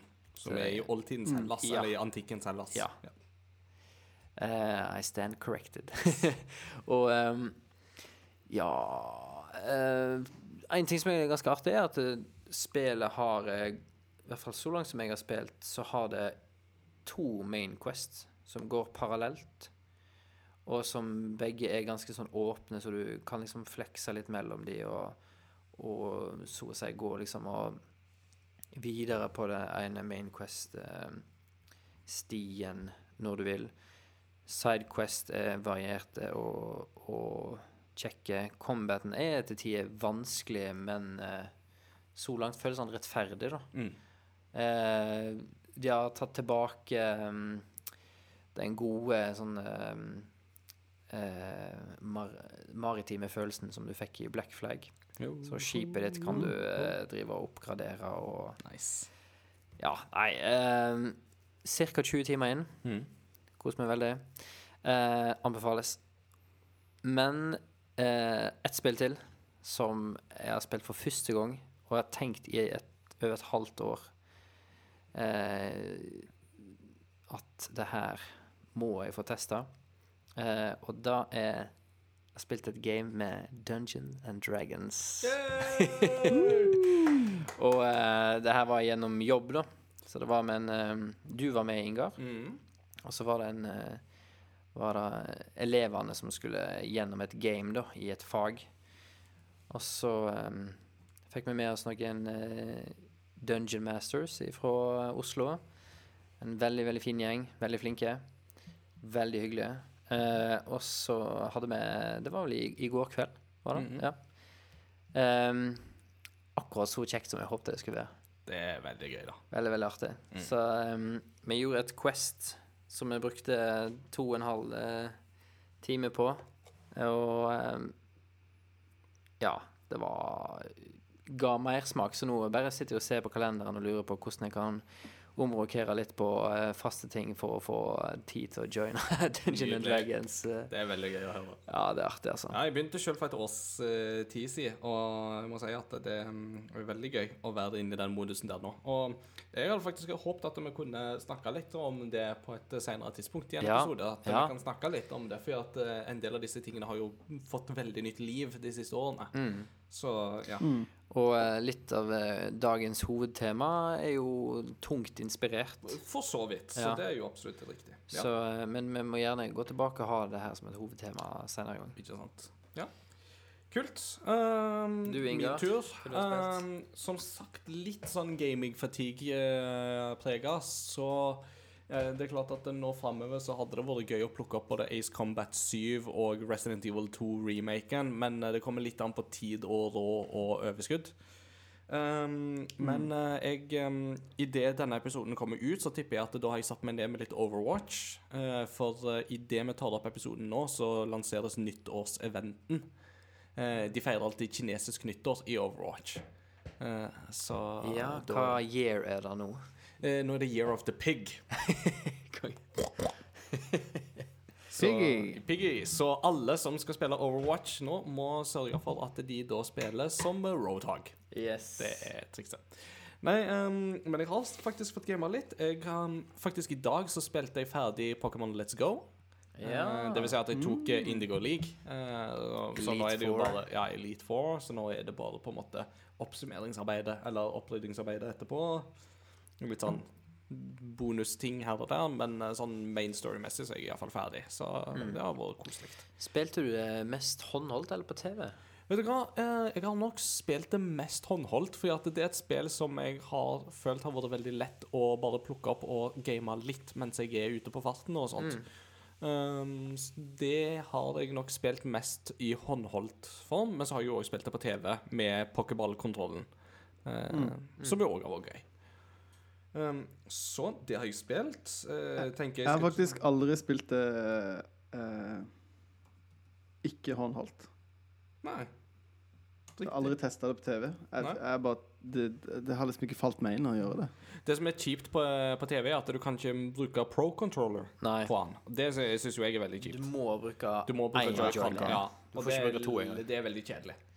Selv om jeg forstår, Ja, det er jo ikke noe gøy. Selv om jeg forstår hvorfor og sånt, så syns jeg det er litt kjedelig. En liten kommentar til akkurat det der er at eh, i den perioden hvor uh, kona spilte veldig mye Hvis jeg Hvis hun da var liksom i et game, hadde sava og sk trykte switchen i standby, Mhm. og jeg fant den liggende på, i sofaen for eksempel da, og skulle spille Warframe, så går jeg bort, setter den i dokken, tar opp pro-kontrollen, skrur på switchen når jeg setter meg ned i sofaen, og så går han rett inn i Pokémon. Mm. Og så lar ikke Pokémon deg eh, trykke noe som helst for da at Nei, nei, nå må du gå bort igjen, ta opp én joycon, Mm. og så kan du navigere i menyen. Det er litt, litt kjedelig. Hva? for å si det sånn. Um, så det ble jeg ferdig med i dag, så ikke sånn veldig masse jeg har spilt det. Um, jeg har fortsatt uh, på Shenmue-kjøret, Ja. og har begynt på Shenmue 2. Eh, Must Find Sailors. Nei, det var Mimi for einen. Gjennomførte du det? Einen? Ja. Ja, jeg eh, tok jo platinum av det faktisk på PlayStation, for det var ganske lett å få platinum på det. Det er ikke det som har Um, gjort at du er blitt gaming fatigue. Det er ikke Nei, det er det ikke. Det er mer eh, bare sånn Jeg tror det er bare sånn tida på året egentlig som gjør det. ja. Det er ikke så uvanlig, egentlig. litt uh, men Shenmue 2 jeg begynte på, da hadde du jo reist til Hongkong, så Ja. jeg Kanskje en sånn fem timer ut i det, eller noe sånt, tipper Ja. jeg. Um, det, og det er sånn fortsatt litt av de der problemene som jeg snakket om sist, men Mm. uh, fortsatt så er jeg litt sånn intrigued by hele greia, og det er for så vidt liksom spennende nok til at jeg holder det gående. Og ikke minst at spilt historisk òg, så er det jo på en måte det, det er bra for sin tid. Det er det absolutt. Det, mm, og det, det har sin sjarm som du liksom ikke kommer vekk ifra. Litt sånt. Og eh, Mats Jakob, du nevnte jo sist eh, dette med outrun i Shenmue. Eh, det er i Shenmue 2 du kan spille outrun. Ja. Ja, så det hadde jeg nå testa. Ja, så det har jeg testa nå. Og det, er jo, Ja. og det er jo som du sier, det er jo helt perfekt emulert. Og Ja, ja. i den, altså det å altså, ha på en måte sånne retrospill perfekt emulert på en Dette var jo opprinnelig et Dreamcast og Xbox-spill. Eh, så det er jo Ja, det, de skal ha skryt for det, altså. At det er med sånne ting så er det veldig gøy, altså. Mm. Dreamcast det, Skal vi lage en episode om det òg, på et tidspunkt? Ja. Um, og så Men det spillet jeg kanskje vil snakke mest om Jeg skal holde meg i korthet pga. tida. Men um, sist gang så nevnte jeg jo på at jeg hadde spilt litt på et spill som jeg ikke kunne snakke om pga. en eh, deadline for Game Reactor. Men det spillet kan jeg snakke om nå. Det er da Travis Strikes Again No More Heroes på Ja. Switch. Um, de som husker Game of the Year ep Nei, um, de som husker episoden vår der Ja, det var jo forrige episode, det. Der vi leste opp hva vi ser fram til i 2019. Så husker kanskje dere at jeg hadde Travis Strikes Again på min topp 10-lista over spill jeg ser fram til. Eh, etter å ha spilt det, så kan jeg si at det spillet kommer ikke på ei topp 10-liste over beste spill i år. It grows on you. Give Nei, det, det, det gjør ikke det engang. Det, for, for å si det sånn, Travis Strikes Again er et skuffende middelmådig spill. Eh, jeg kan ikke Ja. si det som mer vakkert enn det. Og min, hvis jeg skal oppsummere det spillet med ett ord, så er det faktisk kjedelig. Jeg tror, jeg tror det er lenge siden jeg har spilt et spill der jeg har kjeda meg så mye mens jeg har spilt, som det jeg har gjort med Travis Strikes Again. Altså, ikke engang Shenmue kjeder her meg sånn masse mer. For at i Shenmue så er det visse partier der du må vente veldig veldig lenge. Men da har jeg bare satt kontrollen fra meg, og så har jeg henta opp et blad, eller så har jeg eh, sittet på Facebook, eller liksom gjort et eller annet, og så har storyen fortsatt, og så har det liksom vært greit. Men i Travis Strikes Again så er det bare samme hack and slash-gameplayet hele veien, uten variasjon. Og det er litt sånn og det, og, så, så da kan du ikke sitte og liksom gjøre andre ting samtidig, så det blir veldig kjedelig i lengden, altså. Og det er litt sånn synd, for at mm, premisset i Travis Strikes Again er jo det at uh, Travis og Badman, som er da far til Bad Girl, som var en av bossene i uh, de gamle No More Heroes-spillene de havner inn i da en eh, virtuell konsoll, sånn eksperimentell virtuell konsoll som heter Death Drive. Som da liksom Når de booter opp, så er det sånn Death Drive. Så Det er veldig tydelig hva det er inspirert av, for å si det sånn. Og det er veldig sånn det, det, det, Altså, når humoren sitter, så sitter den godt. Men humoren den gang sitter jo heller ikke like godt som det gjorde i de gamle No More Heroes-spillene, som var veldig bra sånn metahumor på det med spill og sånt, og veldig på dette med ultravold og hvordan vi liksom konsumerer det og sånt. Altså, No More Heroes 1 særlig, men òg 2-en på Wii var veldig gode spill for sin tid, altså, som Ja. jeg kan gå tilbake til. Men med Travis Strikes Again så er det jo da premisset at dere havner inn i disse virtuelle spillene og må på en måte cleare de for å bli ferdig med spillet. Og da tenker du liksom Hei, kongen, her er det seks vidt forskjellige spill som vi på en måte skal spille. Men det er det da altså ikke. Det er Nesten alle disse her Death Drive-spillene føles veldig like. De er enten litt sånn ovenfra og ned, eller så er de todimensjonale plattformspill. Og de samme type fiendene hele tida. Noen få variasjoner her og der, men de er såpass korte at de teller nesten ikke med. Okay. Og alt i alt så blir det fort kjedelig, altså. Så det var Bosskampene òg var liksom litt sånn OK, du har litt der, men uh, det er noe så som så. Kjedelig, da, for det er jo en Veldig. ganske de, Begge de to forespillene, som du sier, er jo litt sånn Ja. Det er veldig kult hit, da. Ja, det gjør det. Det som skal sies da, som var litt kult, det er et par ting som jeg har lyst til å nevne. Det ene er at eh, mellom disse her eh, Death Drive-sekvensene så må du ut for å finne det neste Death Drive-spelet i form av en Death Ball. Så det er rett og slett ute You're hunting balls. Ja, det er pubertalt. Ja, ja, ja. Det er masse sånn humor i No More Heroes.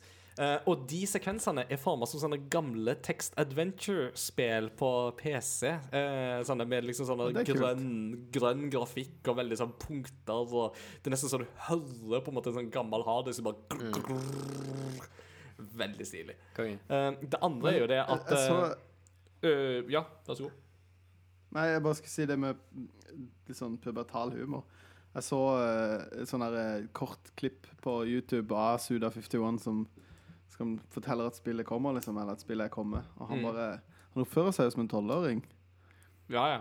syns jeg, da. Og veldig sånn «Hei Sina, Suda51 Og så tar han sånn karatespark i lufta og har litt sånn ja altså, altså Altså, er jo ikke er, er jo ikke han 51 years old, liksom? Jo, han har akkurat fylt 51 år.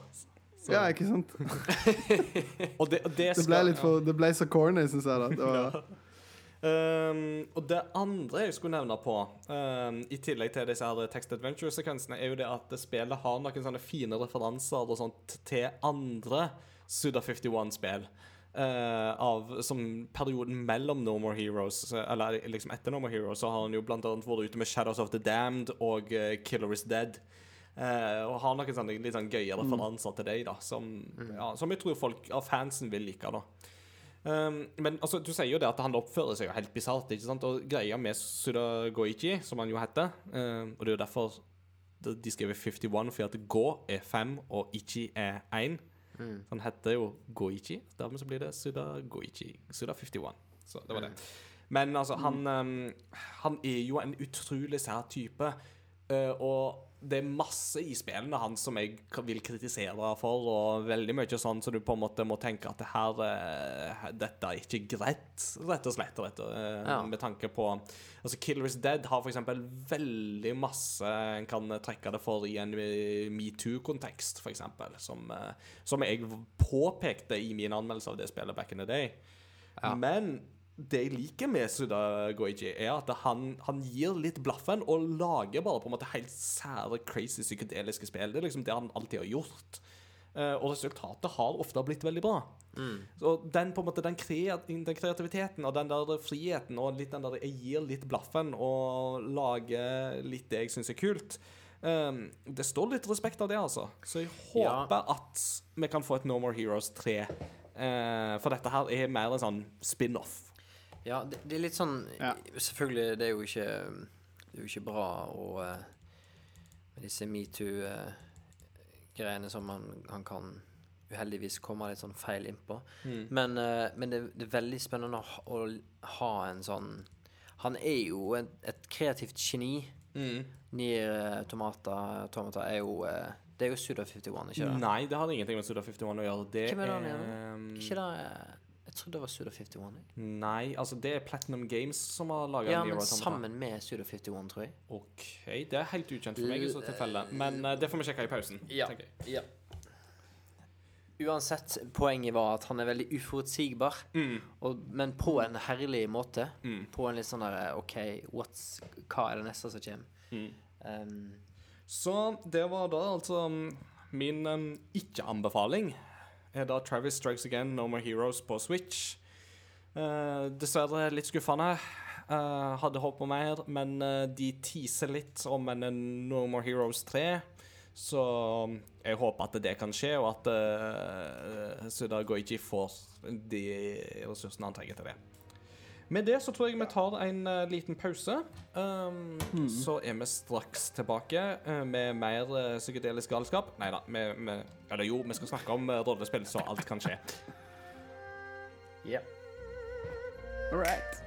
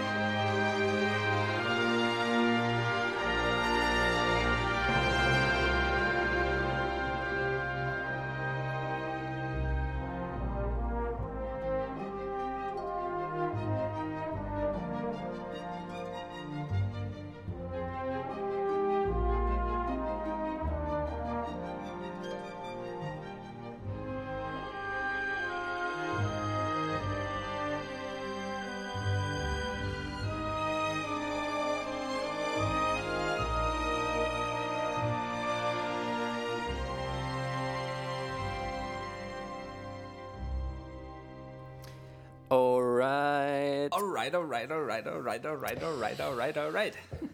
Ikke noe Nickelback der. Det lovte jeg. Men uh, du vet what's cooler than being cool?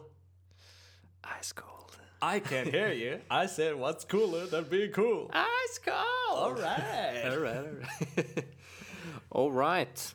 Uh, da er vi tilbake etter pausen. Um, og for de uh, observante lytterne i dag, så har dere kanskje merka at vi har snakka en del om RPGs i dag. Det var jo både et uh, RPG-relasert uh, lytterspørsmål, og uh, noen av oss har brukt uh, gamingtida si sist til å spille analoge RPG-spill. Skikkelig hardcore der, altså. Godt gammel penn og papir. Ja, så eh, ukens eh, hovedtema er vel eh, kort og greit RPG, role-playing game, Ja. rollespill. Um, litt Vi uh, har lyst til å snakke litt om hva som først hva som definerer eh, rollespill. Og litt og om vår egen bakgrunns, bakgrunnshistorie innenfor rollespill. Um, hva rollespill har betydd for vår gaminginteresse og for noen av våre sin gamingkarriere. Og ehm, Og kanskje litt sånn all time favorites. Ja, og Eh, litt preferanser og ja. litt sånne ting. Ja. Vi må bevege oss litt inn på vestlige versus japanske Mm. rollespill. Ja. Så eh, ja, Ingar og Mats Jakob, hvis vi skal prøve eh, med våre egne ord da, å definere rollespill hva, hva er et uh, digitalt, da? Mm. La ta. Hva er et rollespill? På sett og vis så er det jo litt sånn at en god del spill er jo nesten rollespill, fordi alle spill der du tar kontroll over en rollefigur, er jo på mange måter et rollespill, fordi du inntrer i en rolle. Eh, men samtidig så vil jeg jo ikke si at eh, Super Mario er et rollespill likevel. Nei. Um, The Legend of Zelda har rollespillelementer ved seg og kan definitivt klassifiseres som et action-RPG. Eller sånn adventure RPG, om du vil. Uh, Men um, plattformspill, for eksempel, vil jeg jo ikke si er rollespill. Um, men hva eksakt som er, gjør det, er jo likevel et godt spørsmål. Ja, for noe som kanskje, hvis en skal tenke veldig sånn klassisk eh, rollespill, eh, CRPG, som vi nå kan kalle det eh, Det er jo egentlig en egen sjanger, da, men, men, eh, men det er vel ofte da at du Du har en karakter som du eh, kan eh, Som du kan eh, forandre veldig mye på, da, i, i form av ofte lut. At du har forskjellige lut du kan få tak i. Du har ofte forskjellige egenskaper du kan lære av karakteren. Du har ofte muligheter til å på den måten bygge karakteren på forskjellige måter. Du har ofte, det er ofte level-basert. Altså at du har en karakter som kan gå opp i level. Eh, I en del spill så har du et, et, party du styrer. Du styrer ikke bare én person, men du styrer et uh, party. Um, ja Combat er jo en vesentlig eh, faktor her. Ehm, eh, Turn-based combat er jo ofte brukt i i både gamle RPG-er, men òg i ganske mange eh, En del japanske RPG-er. Um, Jeg vil jo kan ofte lage din egen karakter, ikke minst, fra scratch. Ja. Jeg, jeg vil jo skyte inn at eh, en, eh, en ting som jeg ofte forbinder med rollespill, er jo det at rollespill er veldig tallsentrerte. Vil jo jeg kanskje påpeke. At eh, der plattformspill f.eks. gjerne kan kokes mer ned til mer formler. Altså mer sånn If Mario hits block, then block breaks. Eh, if Mario small, then block not break. For Ja. eksempel. Altså at det er på en måte tekstbasert. Ja. Ja. mens eh, eh, mens um, rollespill er jo mer på en måte knytta til, sånn som du sier med pen and paper. Altså gode gamle sånn pen and paper-rollespill er jo veldig mye mer konsentrert rundt dette her med å kaste terninger og dette her med på tallenes betydning. For eksempel da med å sette såkalte stats. Altså dette her med på en måte personlige evner og egenskaper er på en måte justert av tallsettinger og nivåer som man da justerer. Eh, Enten det da er dine personlige egenskaper, eller det er da at du har en evne som du da på en måte oppgraderer eller oppjusterer, Ja. som også da er knytta til type et tall eller noe sånt. Altså, det må jo, må jo si at, eh, at eh, rollespill er jo basert på ja, pen, paper, eh, altså pen og papir-rollespill, og at mm. på en måte Det er jo utgangspunktet. Altså at man eh, har eh, ta, tar utgangspunkt i tall og sannsynlighet og alle de tingene der. Og de første rollespillene var jo sånn eh, dungeon crawlers, liksom. Hvor du eh, var i en dungeon, og så møtte du et monster, og så hadde du disse statsene og den og de statsene, og så var det så så stor sannsynlighet for å treffe og ikke treffe og alt dette her. Sånn som det er i, i f.eks. Dungeons and Dragons eller Pathfinder eller noen av disse her gode, Mm. gamle rollespillene. Så jeg tenker jo at liksom Premisset for et RPG må jo være at det har disse elementene med, da. Og du snakker jo om Zelda, og at jeg har skrevet i lista mi Zelda RPG? spørsmålstegn. For det er jo alltid en sånn stor debatt, fordi at hva er et rollespill? Ja. Eh, og det finnes jo mange subsjangere av rollespill, men liksom jeg tenker at et rollespill Ja. det er liksom turbasert. Sånn som om når Mhm. man kaster terninger, og liksom Det med party handler jo mer om at du kunne plutselig spille rollespill alene. Man måtte ikke være de menneskene som var der, som var i partyet. Du kunne være liksom alene og ha Mm. flere. Eh, Mm. Sånn at det, de første rollespillene var jo bare Sånn som jeg har forstått det, var jo de som lagde det, var jo fordi de hadde lyst til å spille Dungeons and Dragons alene. Eller å kunne spille det når ikke alle vennene kunne. Det var liksom noen av motivasjonene for å lage rollespill. ja, riktig. Riktig. Mm. Og da, når du nevner det, så er det jo en, ganske mange tidlige rollespill som er eh, Som du kan se på coveret, f.eks. på Baldur's Gate, da, som er laga av eh, de, de som før heter Interplay.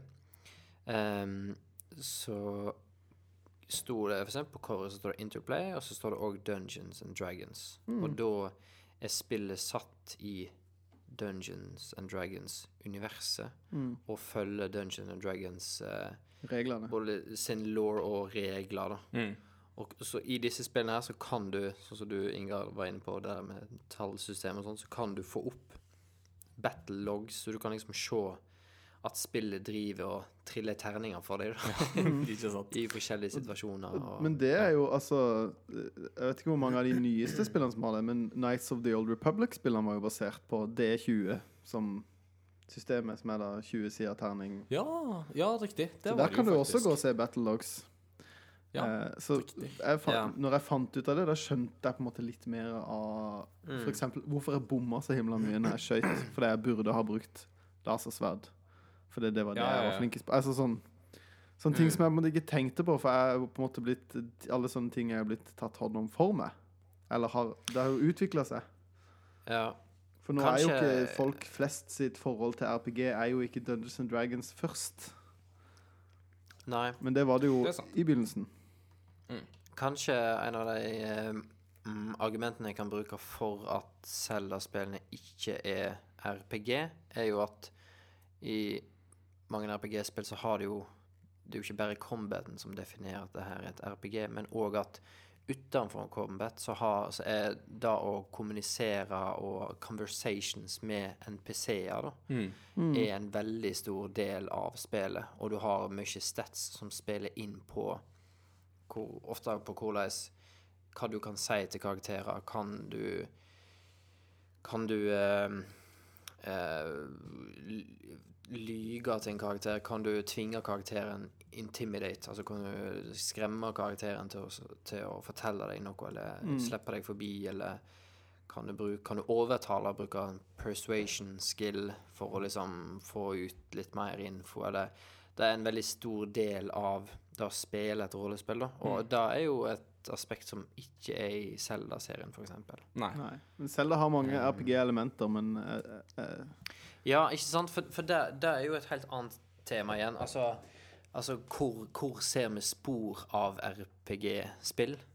Fifa Eh. har RPG-elementer, liksom. Altså, alle spill har jo RPG-elementer på sett og vis, da. Det har jo Altså, Mario, nei, har jo ikke det, men, eh, men liksom Red Dead Redemption 2 har det jo. Ja. Ja, ja, men det er jo for et rollespill. Uh, eh,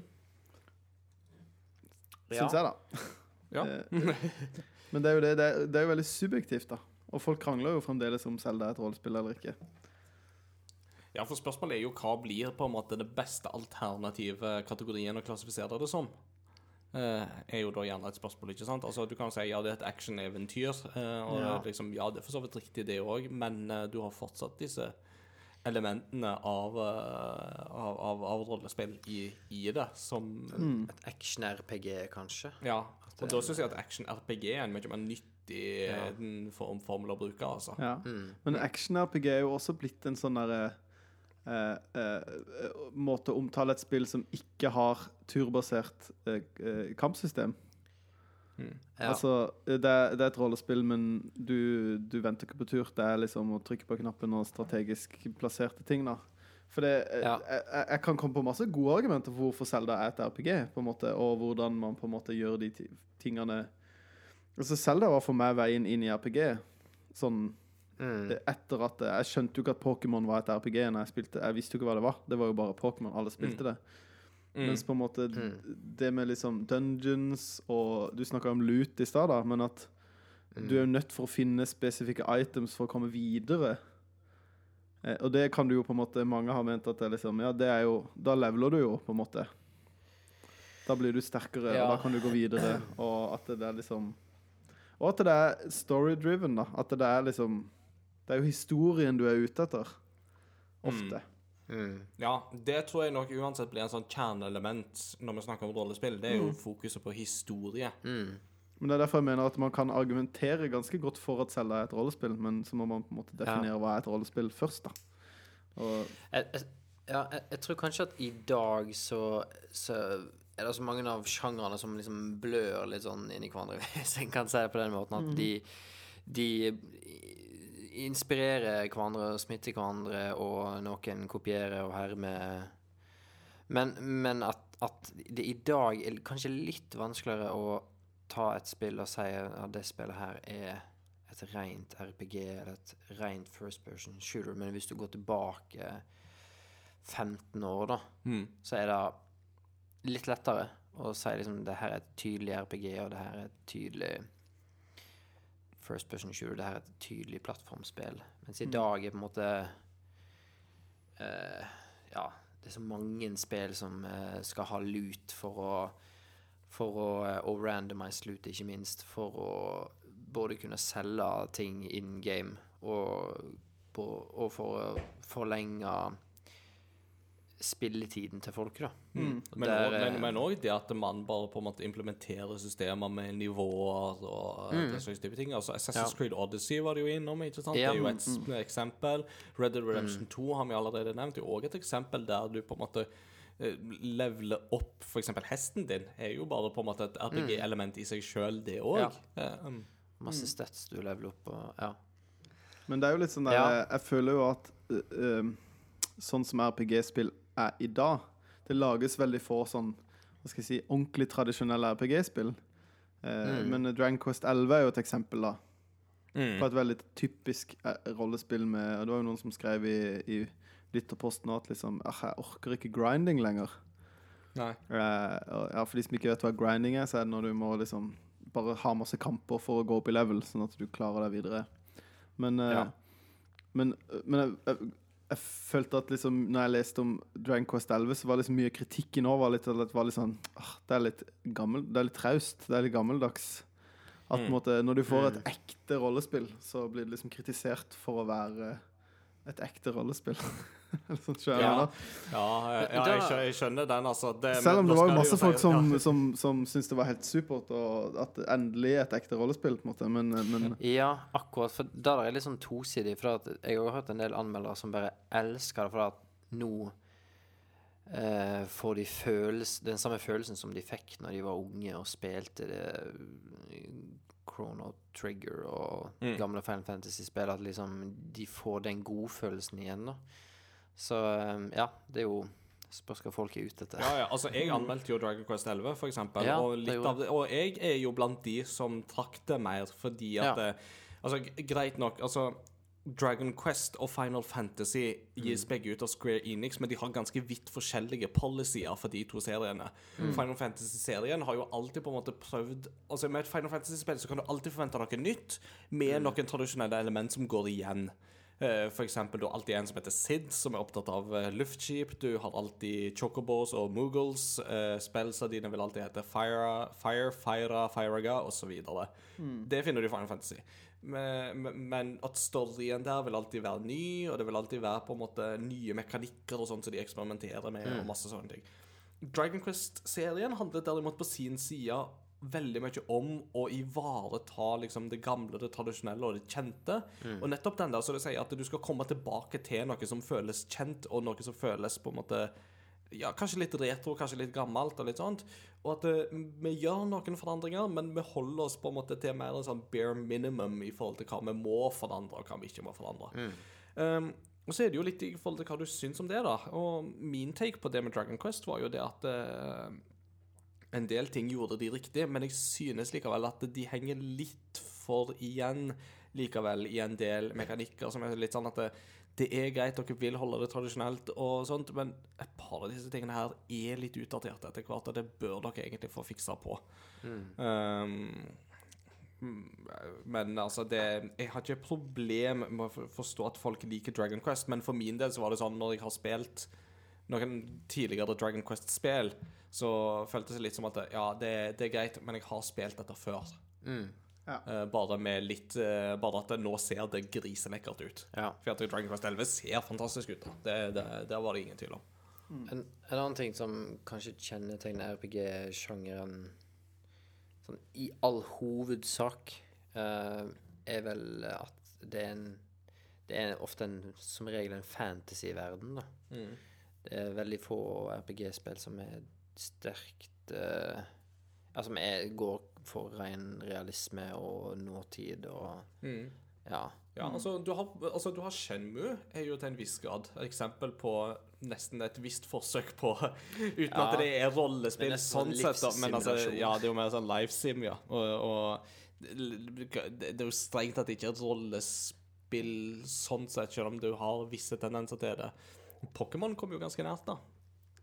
Skal jo si, altså at Pokémon er jo, som du sier, ikke sant? vi tenker ikke alltid på det, men Pokémon er jo RPG. Eh, Det òg. Og det finner jo sted i en, en forholdsvis moderne nåtidsverden, bare at det, i den verdenen så bor det Pokémon. ja. Ja. Men eh, det er litt sånn Ja, Pokémon er jo litt sånn Syns jo jeg er forholdsvis tradisjonelt. Mm. Det er det jo. Turbaserte kamper og level-systemer og Og XP og Det er veldig sånn Ja, det er jo veldig sånn grind Altså, det er jo veldig sånn fokus på leveling og grinding Ja. i den forstand, da. Ja, For ikke bare å snakke om konseptet critical hit, som du jo får i Pokémon, ikke sant? Som jo er, føles som en sånn naturlig sånn Å, nå kasta du en 20 på 20 sider terning. Nå var det liksom en natt 20. Ja. Eh, da, da, da, da kritta du. Da fikk du et ekstra bra eh, angrep. Veldig bra. Men altså, hvis vi da i denne prosessen her nå prøver på en måte å pense det litt inn på hva er det vi tre går for når vi Altså, hva er det som gjør at vi tre setter oss ned for å spille et rollespill? Altså, når du setter deg ned og så liksom skal jeg spille Halo, eller skal jeg spille et RPG? Nei, jeg vil spille RP RPG fordi Hva er det vi går for? Ja um... Jeg kan uh, begynne. Ja. Uh, for min del så er det uh, Det er liksom litt den Det er litt Hva skal jeg si? Det er litt som å lese en 'Ringenes herre' kontra å lese en tegneserie, for meg, da. At du på en måte Når du spiller et RPG, så er du ute etter en eh, mer utvida historie. Eh, Du er ute etter eh, å kunne liksom dypdykke deg litt ned i en verden over lengre tid. Eh, eh, At det liksom Det er ikke eh, på en måte Ja, Uncharted, Når jeg spiller Uncharted, da, så vet jeg at OK, det spillet her varer kanskje ti timer. Mm. Eh, og det er en gøy fortelling. Litt som en film. Mens hvis jeg skulle Når jeg skal spille et RPG, så føler jeg det litt som på en måte Nå skal jeg begynne på en serie med filmer, eller en, en bokserie. Altså, jeg vet at dette kommer til å gå over lengre tid, og og du blir liksom invest følelsesmessig investert i storyen, forhåpentligvis. da. Man gjør jo ikke alltid det. Eh, men du, invest du investerer deg i, i karakterene, du på en måte lærer deg alle spillmekanikkene, du på en måte blir god på det. Det er mye mer å sette seg inn i. Mm. Så når jeg velger det, så er det fordi at jeg ønsker eh, noe dypere da, enn eh, å spille en gøy historie, eller å eh, spille eh, noe, ja, noen kamper i Smash, eller ta noen måneder i, i Super Mario. Hmm. Mm. Uh, så Ja. det er litt sånn for min del. Mm, Sånn umiddelbare det, tanker. altså. Ja. Mm. Hva, hva tenker du, Christian? Um, jeg, jeg tror kanskje grunnen til at jeg liksom gjentatte ganger går tilbake til RPG-spill, og RPG-spill er kanskje de spillene jeg har størst sånn um, Best statistikk for å fullføre. Så tror jeg nok det er litt da at jeg etter en game session med et RPG-spill, så er det kanskje da jeg føler at jeg sitter igjen med mest. For da har jeg Altså, jeg har levela lært en ny skill som ser dritkul ut, eller som snur opp ned på hele måten kampsystemet, eller kampene, utspiller jeg, Eh, jeg har fått tak i et nytt sett med rustning som ser fett ut. Um, og jeg har gjort et sideoppdrag som er dritkult, og uh, ja, det er hele den der pakken der, at jeg liksom Jeg føler at når jeg går vekk ifra den totimers uh, sessionen som jeg hadde, så, så ser jeg både fysiske forandringer på karakteren, Mm. og jeg føler at jeg har vært med på Ja, en, en veldig um, kjekk progresjon i en eh, forhåpentligvis uh, veldig kul fantasy-setting, da. Mm. Mm. Så um, ja. Ja. Det må nok ligge litt der, Ja. tror jeg. For min del så er det Jeg kjenner meg veldig igjen i disse tingene. Altså det er dette her som Mats Jakob nevner, med å på en måte ta et dypdykk i på en måte en større verden. Ikke sant? Altså det, for meg så er det veldig viktig. Og for meg så er det jo avgjørende for hvorvidt jeg blir værende der i Ja. den verden. ikke sant? Er jo hvor velskrevet og konsistent en verden i et RPG-spill er. Eh, og med et rollespill så er det jo det med at jeg går inn med en forventning om at det skal vare i minst 25 timer. Og eh, hvis det ikke varer så lenge, så er det et eller annet som er galt i mitt hode. Nei da, det er ikke det, men det oppleves iallfall sånn av og til. Um, det, men altså, jeg forventer en viss lengde på det, men jeg forventer òg en grad av immersion. Altså, en, i, altså på en måte at det er noe jeg bare på- kan på en måte leve meg inn i, fordi verdenen er så konsistent og velskreven at du på en måte blir holdt inne i den illusjonen. da, og Dette er jo på en måte et viktig prinsipp som Tolkien også var inne på i sin tid da han skrev 'Ringenes herre' og disse bøkene her, var jo det med den interne konsistensen i det som holder leseren inne i på en måte Uh, den sekundære verden, som han kaller det for. da. Eh, og med en gang du får en sånn brist, en logisk brist eller noe sånt, ikke fordi at det er en logisk brist ut ifra våre premiss, men fordi at det føles som en logisk brist i den verdenen, så blir du som spiller dratt ut av den sekundære verden inn tilbake i den primære verden. Ja. Og, og da er illusjonen brutt. Og det er jo det som skjelner liksom, de beste fra de litt mer middelmådige, er jo nettopp den der graden der, altså, vil jo jeg si.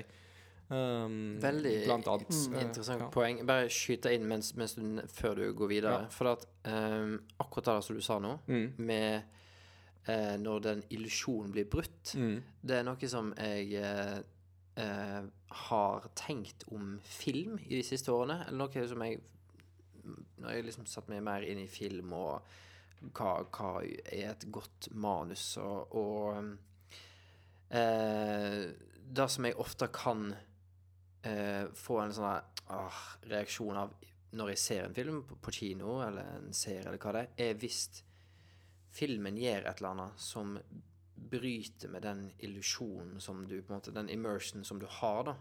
Og Det kan enten være en en, en en setning eller en karakter som sier noe som du merker bare Det her eh, kler ikke den karakteren, det er ikke riktig for den karakteren. Nei. Eller her har ikke du skjønt boken. Eller eh, nå er det for mange vitser her, bare for å få opp stemningen, og det bryter med den med den fortellingen som egentlig skal fortelles her, eller ja, hele Mm. greia mm. at den ehm, Den går litt sånn igjen i underholdningen. Det, er jo- det er jo det som har vært problemet med nyere DC-filmer som Man of Steel og Batman v Superman og sånne ting kontra en del av Marvel-filmerne, f.eks. er jo nettopp fordi at en del av disse konsistensene blir brutt.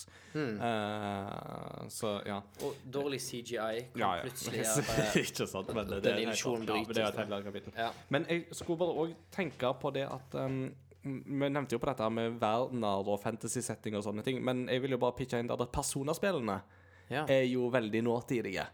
Eh, og er jo sånn sett eh, på en måte kanskje noe av det som gjør at de har en litt sånn ekstra sjarm, er jo fordi at de Ja. er veldig dagens moderne samfunn. eh, Men, ja, men i litt sånn forskjellige settinger. ikke sant? Altså Persona 4 er det jo på den japanske landsbygda, mens Persona 5 er jo midt i Tokyo, midt i Shibuya.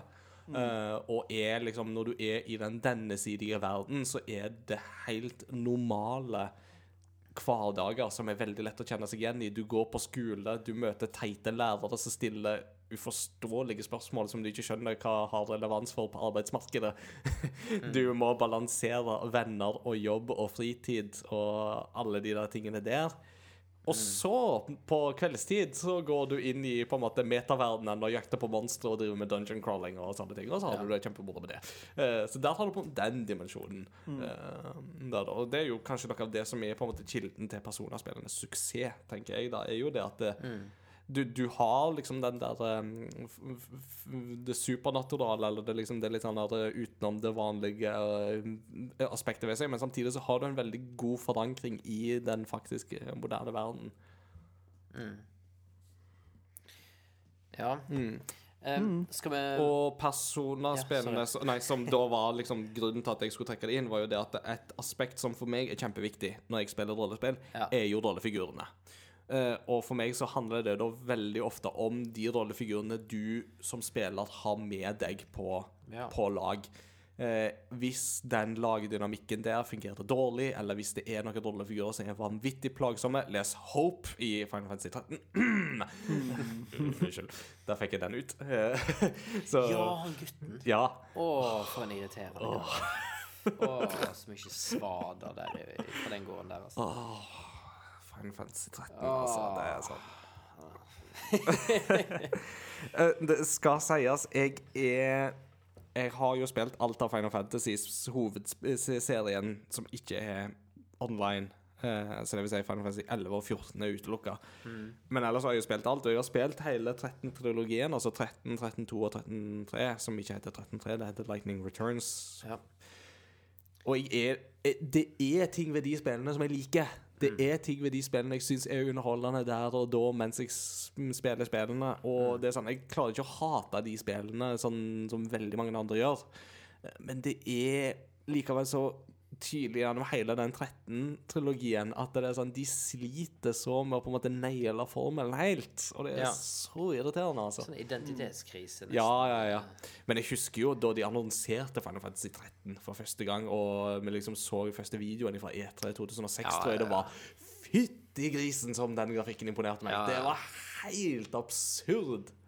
Åh, det, var, det tror jeg er et av de der E3-øyeblikkene jeg husker best. Altså, det var bare sånn Ja, det var vel eh, Når de viste fram PlayStation 3, Ja. var det? Ja, det er riktig. Men ja. Um, Ja, nei, jeg tenkte Skal vi prøve liksom å Skal vi ta en runde her på um, uh, Vår introduksjon til eh, rollespillverden? Altså, hva, hva er det første rollespillet spilte som du husker? ja. Som Vi kan Gøy. både prøve å svare på hva er det første rollespillet du husker, og, og hva er, det òg eventuelt et annet rollespill som virkelig gjorde at det falt for sjangeren? da? Mm. Jeg tolker litt sånn at vi, at vi alle tre er veldig glad i rollespillsjangeren. ja. Mats Jakob, you wanna go first? Yeah. Eh, Jeg, som jeg sa i stad, mitt første rollespill var jo Pokémon Blå på Gameboy Color. Yeah. Uh, som sikkert veldig mange på vår alder hadde sitt første rollespill, var Pokémon. Eh, og eh, spilte jo det i hjel. Hadde jo, jeg hadde jo seks Pokémon i level 100 i partyet mitt, så det var jo litt sånn Sp spilte jo lenge etter jeg hadde tatt eh, Indigo League eller Plateau eller hva det heter for noe. Eh, Mm. Elite Four. Mm. Eh, så det var liksom åpninga mi, men det var liksom Det var på en måte Seinere var det jo på en måte Zelda som drev interessen min for spill som ikke bare var sånn ah, Skal vi spille et bilspill, eller skal vi spille Altså At det var eh, Jeg kunne jo nesten ikke engelsk heller når jeg spilte Zelda, så det var litt sånn der eh, Jeg skjønte på en måte storyen. Det var en kul verden. Jeg ble liksom Identifiserte meg med Link og Altså, det var så mange Mm. ting som var spennende, da. Og så ble det jo på en måte kanskje enda mer sånn rollespillete når jeg ikke kunne engelsk, for jeg måtte jo bare Jeg måtte jo bare leite til jeg fant ting. eh, hvis du skjønner hva jeg mener? At det var ikke sånn der ah, 'Går dit, så finner du den tingen'. Det var sånn Ja, hvor? Det er liksom, jeg har sikkert nevnt det før òg, men når du skal inn i tredje dungeon, inn i den fisken, Ja. så leste jo ikke vi engelsk. Så vi skjø- skj- fikk jo ikke med oss de hintene om at kanskje fisken er sulten og har lyst på mat. Så jeg tror vi brukte to eller tre måneder på å finne ut av det, og da var det liksom noe av det Det var vel liksom Vi følte vi skrapte bånden i bøtta når vi bare Ja, skal vi prøve å gi fisken ja, ja, skal vi prøve å gi fisken en fisk? Og så bare Det funka. Og da var det liksom hive seg på telefonen, for da var vi de første på skolen som fant det ut. Så ringe til alle og si liksom 'Vi vet åssen vi fant ut av det!' Ikke sant? Det var jo helt sånn Så det er jo noe med den derre oppdagelsen oppdagelse du, du føler at du er liksom med på Du er med i en story, da, som er så stas. Ja. Det, jeg, er- jeg er- forstår at man slår opp på internett og sånt for å finne ut av ting når man står fast, men folkens, hvis du skal ha liksom disse aha-opplevelsene som Mats Jakob forteller akkurat der, spill uten internett, spill uten guides, spill bare, bare på en måte Vri hjernen din for alt den er Ja, verd. ja, ja. Det minner meg om eh, Mats Jakob, når du sa det der med at da ringte det til andre og forklarte at «Å, vi har funnet ut hvordan vi skal gå videre. Jeg husker det var veldig sånn typisk eh, i barndommen med f.eks. Selda, da, at hvis, Spesielt hvis jeg, hvis jeg lånte spill av kompiser og satt fast, da var det liksom å ta opp telefonen, ringe til kompisen og bare 'Du, hvordan kommer jeg videre akkurat der?' og da, da skjer aldri lenger, tenker eh, internett. Jeg husker jeg satt fast i Pokémon blå, eller jeg orka liksom ikke å grinde. Mm. Eh, Så da bare linka jeg eh, eh, eh, Venusharen min til en kompis som spilte gjennom Elite Four to-tre ganger, og så fikk jeg tilbake Venusharen min i 30 leveler høyere. Eh, Konge. så det var litt lett. Det var litt, sånn tidlig juks. Tidlig expansion loot-boss, tenker jeg heller. ja. Men det som var festlig, var at vi hadde jo funnet ut at hvis jeg bare fikk en høyt level Pokémon av han, Mm. så lytta han jo ikke. Så jeg måtte jo få Nei, nei, en som riktig, passa. riktig, riktig. For at du For er måtte jo- jo ha noe som passer til den badgen du har. Ja. Og i de senere spillene så står det jo eier, altså opprinnelig eier på Pokémonene. Mm. Sånn at en Pokémon du får, den kan hende at det er mer ulydig enn en Pokémon du har fanga sjøl. Og trent. Det er riktig. Mm. Riktig, riktig. Du da, Ingar, har du en sånn um, Ja. Husker du di- di- din inngang i RPG?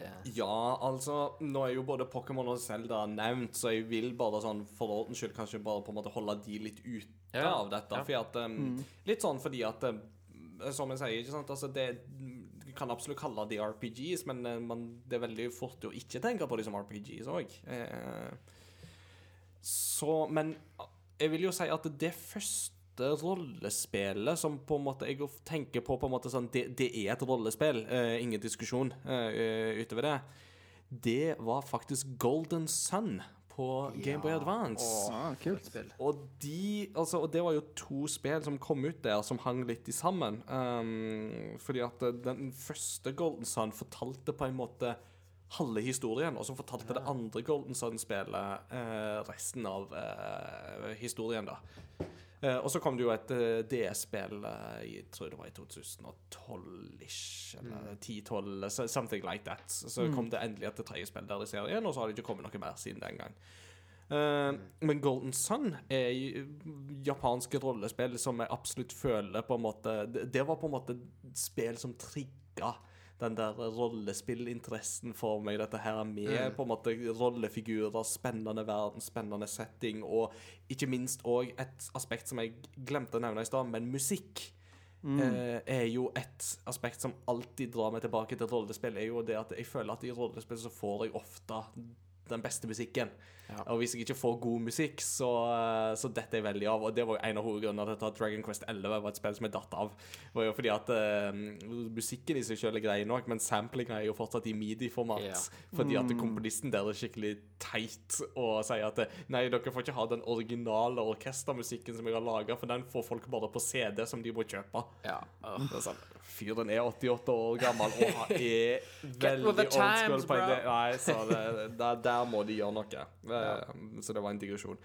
Men ja, altså Golden Sun på Game Advance var kjempegøye spill som jeg koste meg masse med. Og ikke minst så hadde de òg veldig bra kampsystem og et veldig sånn spennende system, dette her med at eh, i Golden Sun så får du noen vesener som kalles for gin. eh, som er knytta til de fire elementene. Og som du må utstyre de fire rollefigurene dine med disse forskjellige ginene. Mm. Og greia er at statsene på dine rollefigurer forandrer seg ut ifra hva gins de har knytta til seg, og òg Ja. om de ginsene er av eller på, eh, for å bruke et sånt eh, enkelt begrep. Det er vel òg litt å si med hva abilities Ja, ja det, og, det gir, og det har òg med å si hva abilities du får, og så er det òg med noen summons. Som Ja. er sånn at eh, hvis uh, Isaac, hovedpersonen, skal bruke sin sterkeste sammen, så må han ha fire jord-gin knytta til seg, og de må være aktiverte. Da har han sjøl mindre stats, altså da har han lavere abilities. Uh, og sånt. Men til gjengjeld så kan du påkalle en superkraftig summon som du nesten er helt avhengig av å kunne påkalle i løpet av kampene for å faktisk bruke. Mm. Og ikke minst også en kjempespennende verden og setting, men òg bare på en måte hele den der innlevelsen som Ja, altså Ofte så føler jeg at The Golden Sun ikke får den oppmerksomheten den fortjener, men jeg er veldig glad i den serien, altså. Um, v- for å ta noen hopp da lenger fram i tid, så ble, Altså, mitt første Final Fantasy-spill eh, Final Fantasy-serien er jeg veldig glad i, det, det skal jeg si. Og mitt første Final Fantasy-spill var av alle ting Final Fantasy 3 på Nintendo DS. Det tok meg så lang tid før jeg kom inn i den eh, serien. Men det var det spillet som skulle til for at jeg kom inn i det. Spilte det, syntes det var gøy, og alt sånt men det var liksom ikke den umiddelbare favoritten. Men så spilte jeg Final Fantasy 10 etterpå, tror jeg det var. Og fortsatt så er Final Fantasy 10 et av favorittene mine i serien. Ja. Jeg var liksom ikke the first love eller noe sånt, men den var ganske tidlig, altså. Og, og det, òg er et spill som jeg absolutt har, et, har en forkjærlighet for. Ikke det beste spillet i serien etter min nåværende skala. Det er det Final Fantasy 6 som er, etterfulgt av Final Fantasy 9, for de som måtte lure. Men eh, fortsatt så er det liksom noe med at det blir litt sånn mushy i hjerterota hver gang jeg hører To Xanarkand, eller jeg hører Suteki Dane, eller eh, noen av disse andre sangene fra uh, Final Fantasy 10, altså. Da, og ikke minst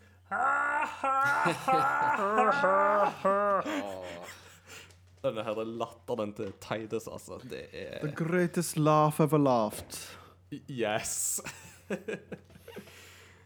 Så um, ehm, Golden Sun og Final Fantasy 10 for meg der, altså. Eh, Christian?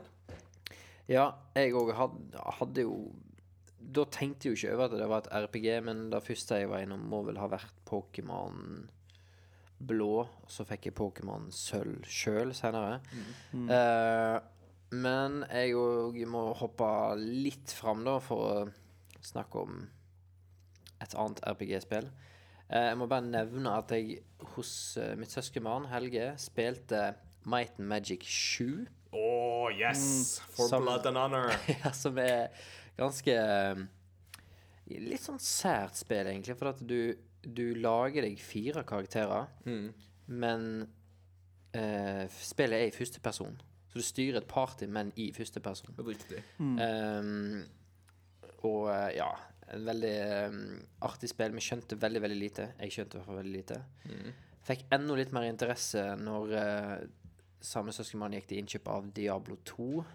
Der gikk det mange, mange timer ned i det spillet der. Men det første RPG-spillet jeg kjøpte sjøl, kjøpte jeg på den eh, lokale postbutikken, for de hadde begynt å selge dataspill. Oi, oi, oi. Og da hadde de eh, en eh, Hva var det de kalte? PC Best Buy? Var en sånn her eh, eh, Tydeligvis en sånn her et sånn merke da som hadde samla en del sånn klassiske dataspill. Sikkert noen år etter de kom ut. Med sånn blått cover. Til, ja. til Ja, det, var sånn sånn, det var de eh, re-releasa uh, floppydisk-spill på CD. Uh, det her tror jeg var et CD-spill Ja, okay. fra før. Det var iallfall flere av de spillene som jeg har, som opprinnelig kom ut på diskett. Ja, OK. For det her er da Icewind Dale, Mm. som da er skaperne av Baldur's Gate-serien. Riktig. Um, nydelig åpningsmusikk i det spillet her. Veldig kul setting. Um, is uh, Første byen du er i, starting-området, så tutorial-området, det er sånn vinterlandsby. Og så neste område Så må du liksom reise til neste område, da. Og da er litt mer sånn eh, ty- Veldig inspirert av uh, Riverdale og Lothlorien i Ringenes herre. Før jeg hadde sett Ringenes herre. Um, og du finner liksom The World Tree og en sånn svær druid-gjeng som bor der. Og, og bare helt sånn der eh, var inngangen min til masse sånne klasser og ting i da DND-universet, for det her er Mm, er. DND-basert. Eh, og alt jeg opplevde, var en sånn her mind-blowing, for at jeg hadde aldri vært borti noe lignende. Men jeg skjønte veldig, veldig lite. Sleit kjempemasse. Jeg kom aldri halvveis i spillet. Så det var inngangen til RPG. Men eh, hvis vi går noen år enda lenger fram i tid, så er det fra si de samme folkene, men da hadde de blitt gått ifra å være Interplay til å bli Bioware. Mhm. Og spillet er da Neverwinter Nights. Yes. Jeg har sikkert eh, begynt på nytt på det spillet, for du, der lager du jo bare én karakter, da, som du styrer sånn isometrisk, eh, men du kan liksom zoome inn eh, og få ganske sånn Ja, du, du har liksom fri kameraføring. Det her òg er DND-basert, mm. men Neverwinter Nights er vel en egen serie i DND-verden. Det er riktig. Um, og jeg brukte så vanvittig mange timer. Jeg kunne sitte så lenge i strekk. For vi hadde eh, dataen hjemme. Eh, den var på kontoret. Der var det ingen vindu. Det var ei luftluke. Den glemte jeg, glemte jeg ofte å ta opp. Ganske lite rom. Så jeg kunne jo sitte der lenge om dagene. sant? Og den eh, PC-vifta gikk jo for harde livet. Og de gamle CRT-skjermene avga mer varme. Så jeg husker jeg kunne sitte og svetta for det var så varmt på rommet av vifta fra maskina.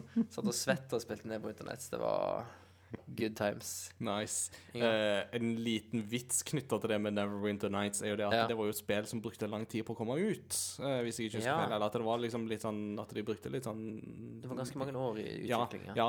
Uh, og så er det jo da i en uh, nettegneserie som jeg har lest i ganske mange år, som heter Megatokyo, så er det en litt sånn funny greie. For da er det da ganske tidlig i den serien så er det en ifra BioWare som da er på besøk i Tokyo på en skole og skal være engelsklærer. Yes, welcome class, please repeat after me. Neverwinter Nights will be released this winter. In Canada, it is always winter.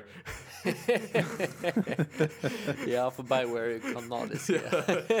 Så at det var en sånn vits på at Jo, jo, Never Neverwinter Nights, det kommer, kommer snart.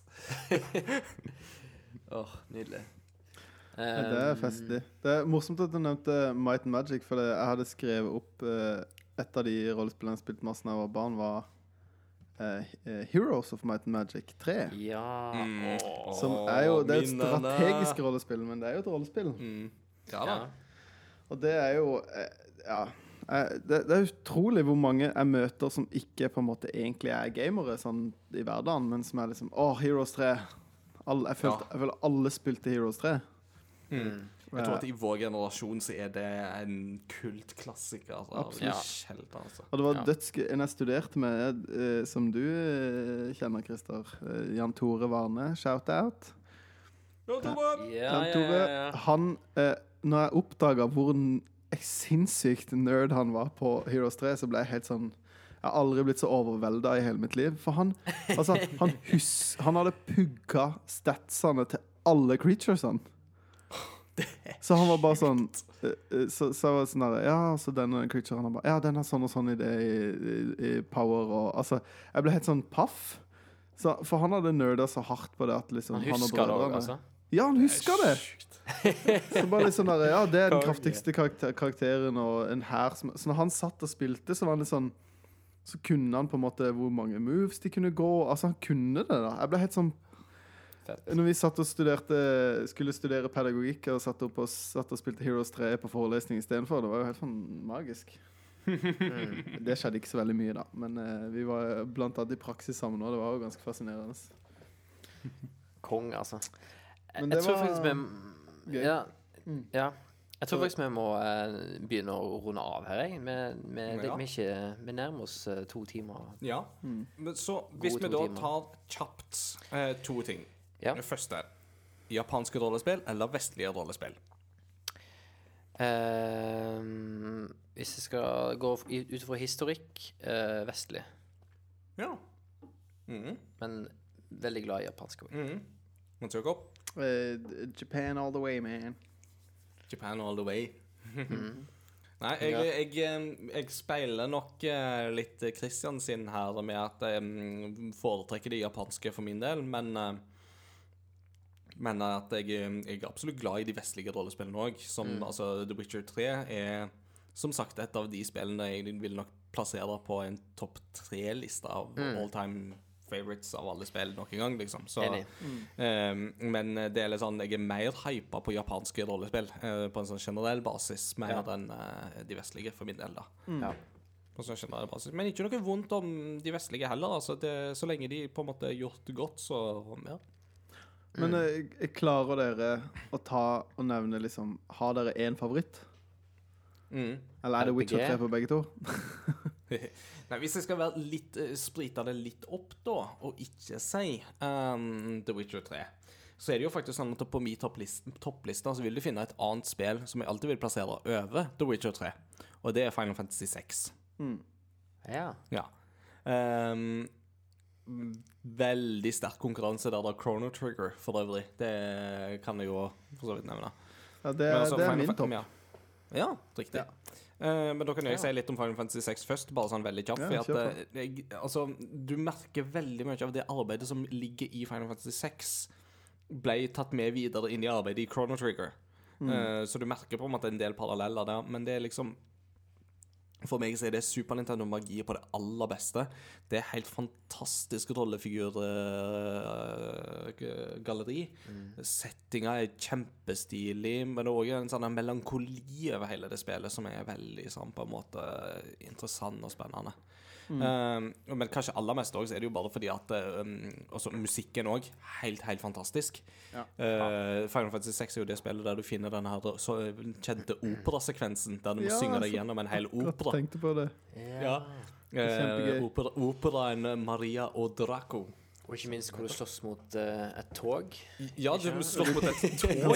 supleksa tog. Du suplekset et Phantom Train. Det er så fantastisk. Sabin, altså. Han er så kul. Kjempegøy. Eh, nei, men altså, Det er jo en ting, og du slåss jo imot Ultros, som er sånn her blekksprutsak. Men først og fremst er det jo òg det at eh, Final Fantasy 6 har jo en av de beste skurkene noen gang, syns jeg, og det er jo Kefka. Eh, Ja. Kefka, som Ja. jo er på mange måter Altså, tenk på Joker i The Dark Knight, bare i spillform, 14 år tidligere. Um, altså, Du har basically samme rollefiguren på mange måter. En, altså, Some people just want to watch the whole world burn. Og det er liksom Kefka i praksis, og det gjør han så uberegnelig og så creepy.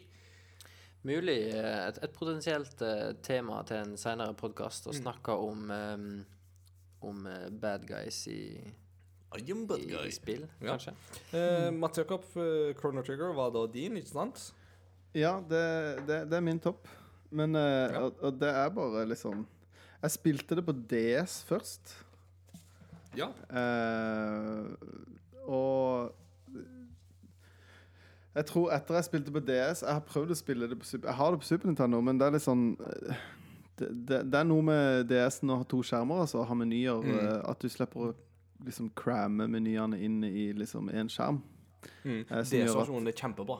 Ja, Som gjør at det er litt vanskeligere å gå tilbake til Super Nintendo-versjonen ah, bare på grunn av det, da. Men eh, altså Det er jo hva man er vant til. Men, eh, men det er jo fantastisk story, utrolig gøye karakterer, helt sinnssykt soundtrack. Mm. Eh, det, det er sånn eh, Når jeg skal kjøre bil, når jeg kjører til jobb, så hører jeg på en sånn symfonisk eh, versjon av Chrono Trigger. Å, den er fin, altså. Det er helt Det er sånn mm. nydelig på mange musikk. måter så kan jo Chrono Trigger kalles for det første Square Enix-spillet. For det var jo et spill som team fra Square og et team fra Enix gikk sammen om å lage. Men det er bare så, det er så polert og fantastisk gjennomført, og Mm. du har masse Det er jo syv slutter, at du kan Mm. liksom gjøre du, Altså, Prinsippet med spillet er at du reiser i tid. Eh, og du reiser til forskjellige tidsperioder, og i hvilken rekkefølge du velger å dra til de forskjellige tidsperiodene, har noe å si for åssen slutten blir. Mm. Eh, og det er, egentlig ikke noe, det er egentlig ikke noe riktig og gal måte å gjøre det på heller. Det er litt mer sånn hva du syns er riktig og gal. Jeg trodde at det var litt flere slutter. Jeg, for jeg mener å huske sånn ut ifra bakhodet at det er 19 slutter. Men det kan hende at jeg husker feil. Og Altså. så har du 18. 19? Oi, shit, det kan godt hende. Eh, Men uh... Men eh, vi, vi må nærme oss avrunding her. Ja, og, din favoritt, da. Uh, Witcher 3. Ja. fin og grei. Ja. Og så slenger jeg inn Persona 5 sånn på tampen av det hele, fordi det er fantastisk. Og du valgte to! Du valgte to! Jeg valgte to. Vi kommer inn imot en avslutning, og eh, som en eh, I avslutningsfasen så snakker, skal vi snakke om dagens kuriositet. Og Yes. Christian, du hadde en eh, du hadde lyst til å dele i dag. Jeg har en som jeg syns er veldig, veldig artig. Ja. Eh, og ganske snever, kanskje. Men uh, det fins jo et spill som heter The Stanley Parable. Ja. Og uh, det er et veldig, veldig sært og veldig, veldig unikt spill som eh, jeg sjøl ikke har spilt ennå, men jeg har veldig tenkt lenge at jeg må få spilt det. Uh, og det som er så kult med det spillet her, en av tingene, er at det har en, en sammensetning av en veldig artig dose med achievements. ja. Du har blant annet en achievement som heter You Can't Jump, hvor det står Try to jump several times. og så har du en achievement som heter Click on door 430 five times, hvor uh, du prøver å åpne en dør som heter uh, Som er nummerert 430. Hvor da eh, spillets narrator, det er en sånn fortellerstemme som snakker over deg og kommenterer handlingene dine hele veien, da sier et eller annet sånn Hva kan jeg si, da? Um, the narrator scoffs and comments on how can an achievement be granted with a measly five clicks. He then challenges challenges you to click on many doors and objects, even climbing on a desk. At the end of the challenge, he tells you to go to give five clicks on door 430, and finally you get the achievements. masse så sært.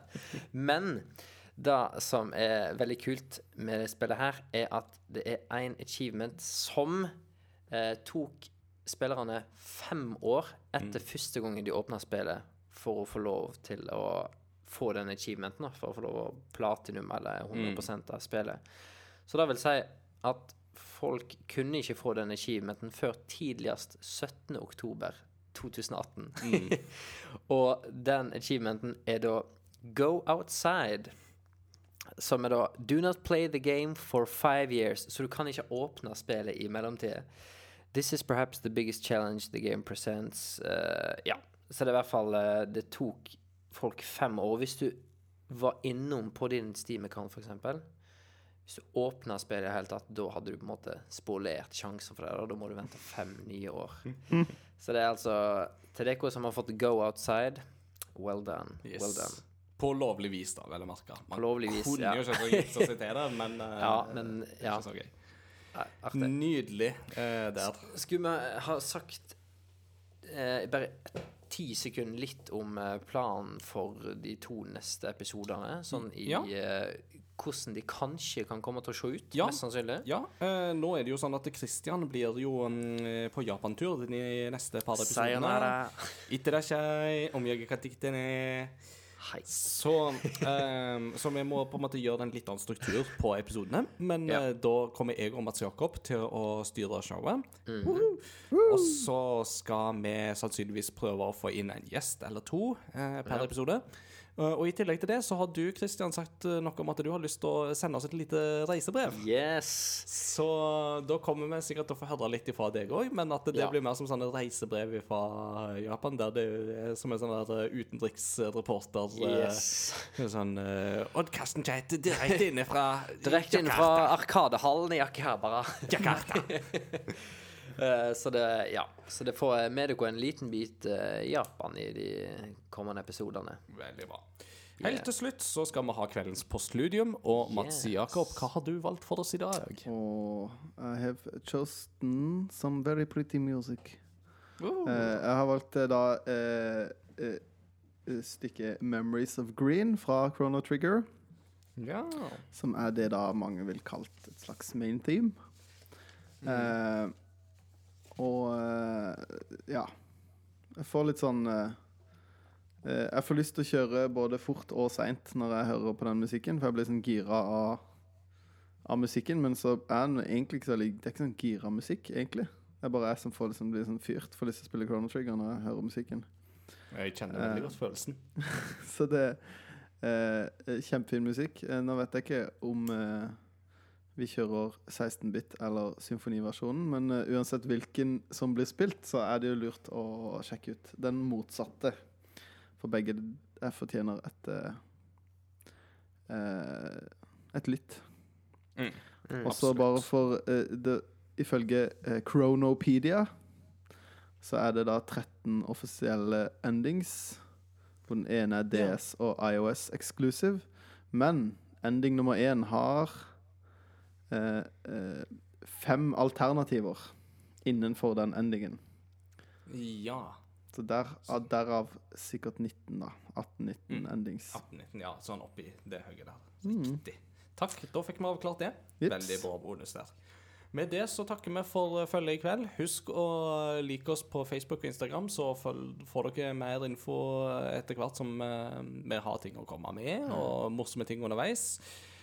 God tur til deg, Kristian. Takk for det. Det blir veldig spennende. Og takk til alle dere som hører på. Husk å spre det glade budskap. Ja, altså om oss, da, vel å merke. Eh, og Det andre utover også, det da. så- Det andre òg, selvsagt. To glade budskap. To glade budskap å dele. Vi snakkes ved neste korsvei. Ha det bra. Ha det bra. Sayonara. Bye, bye.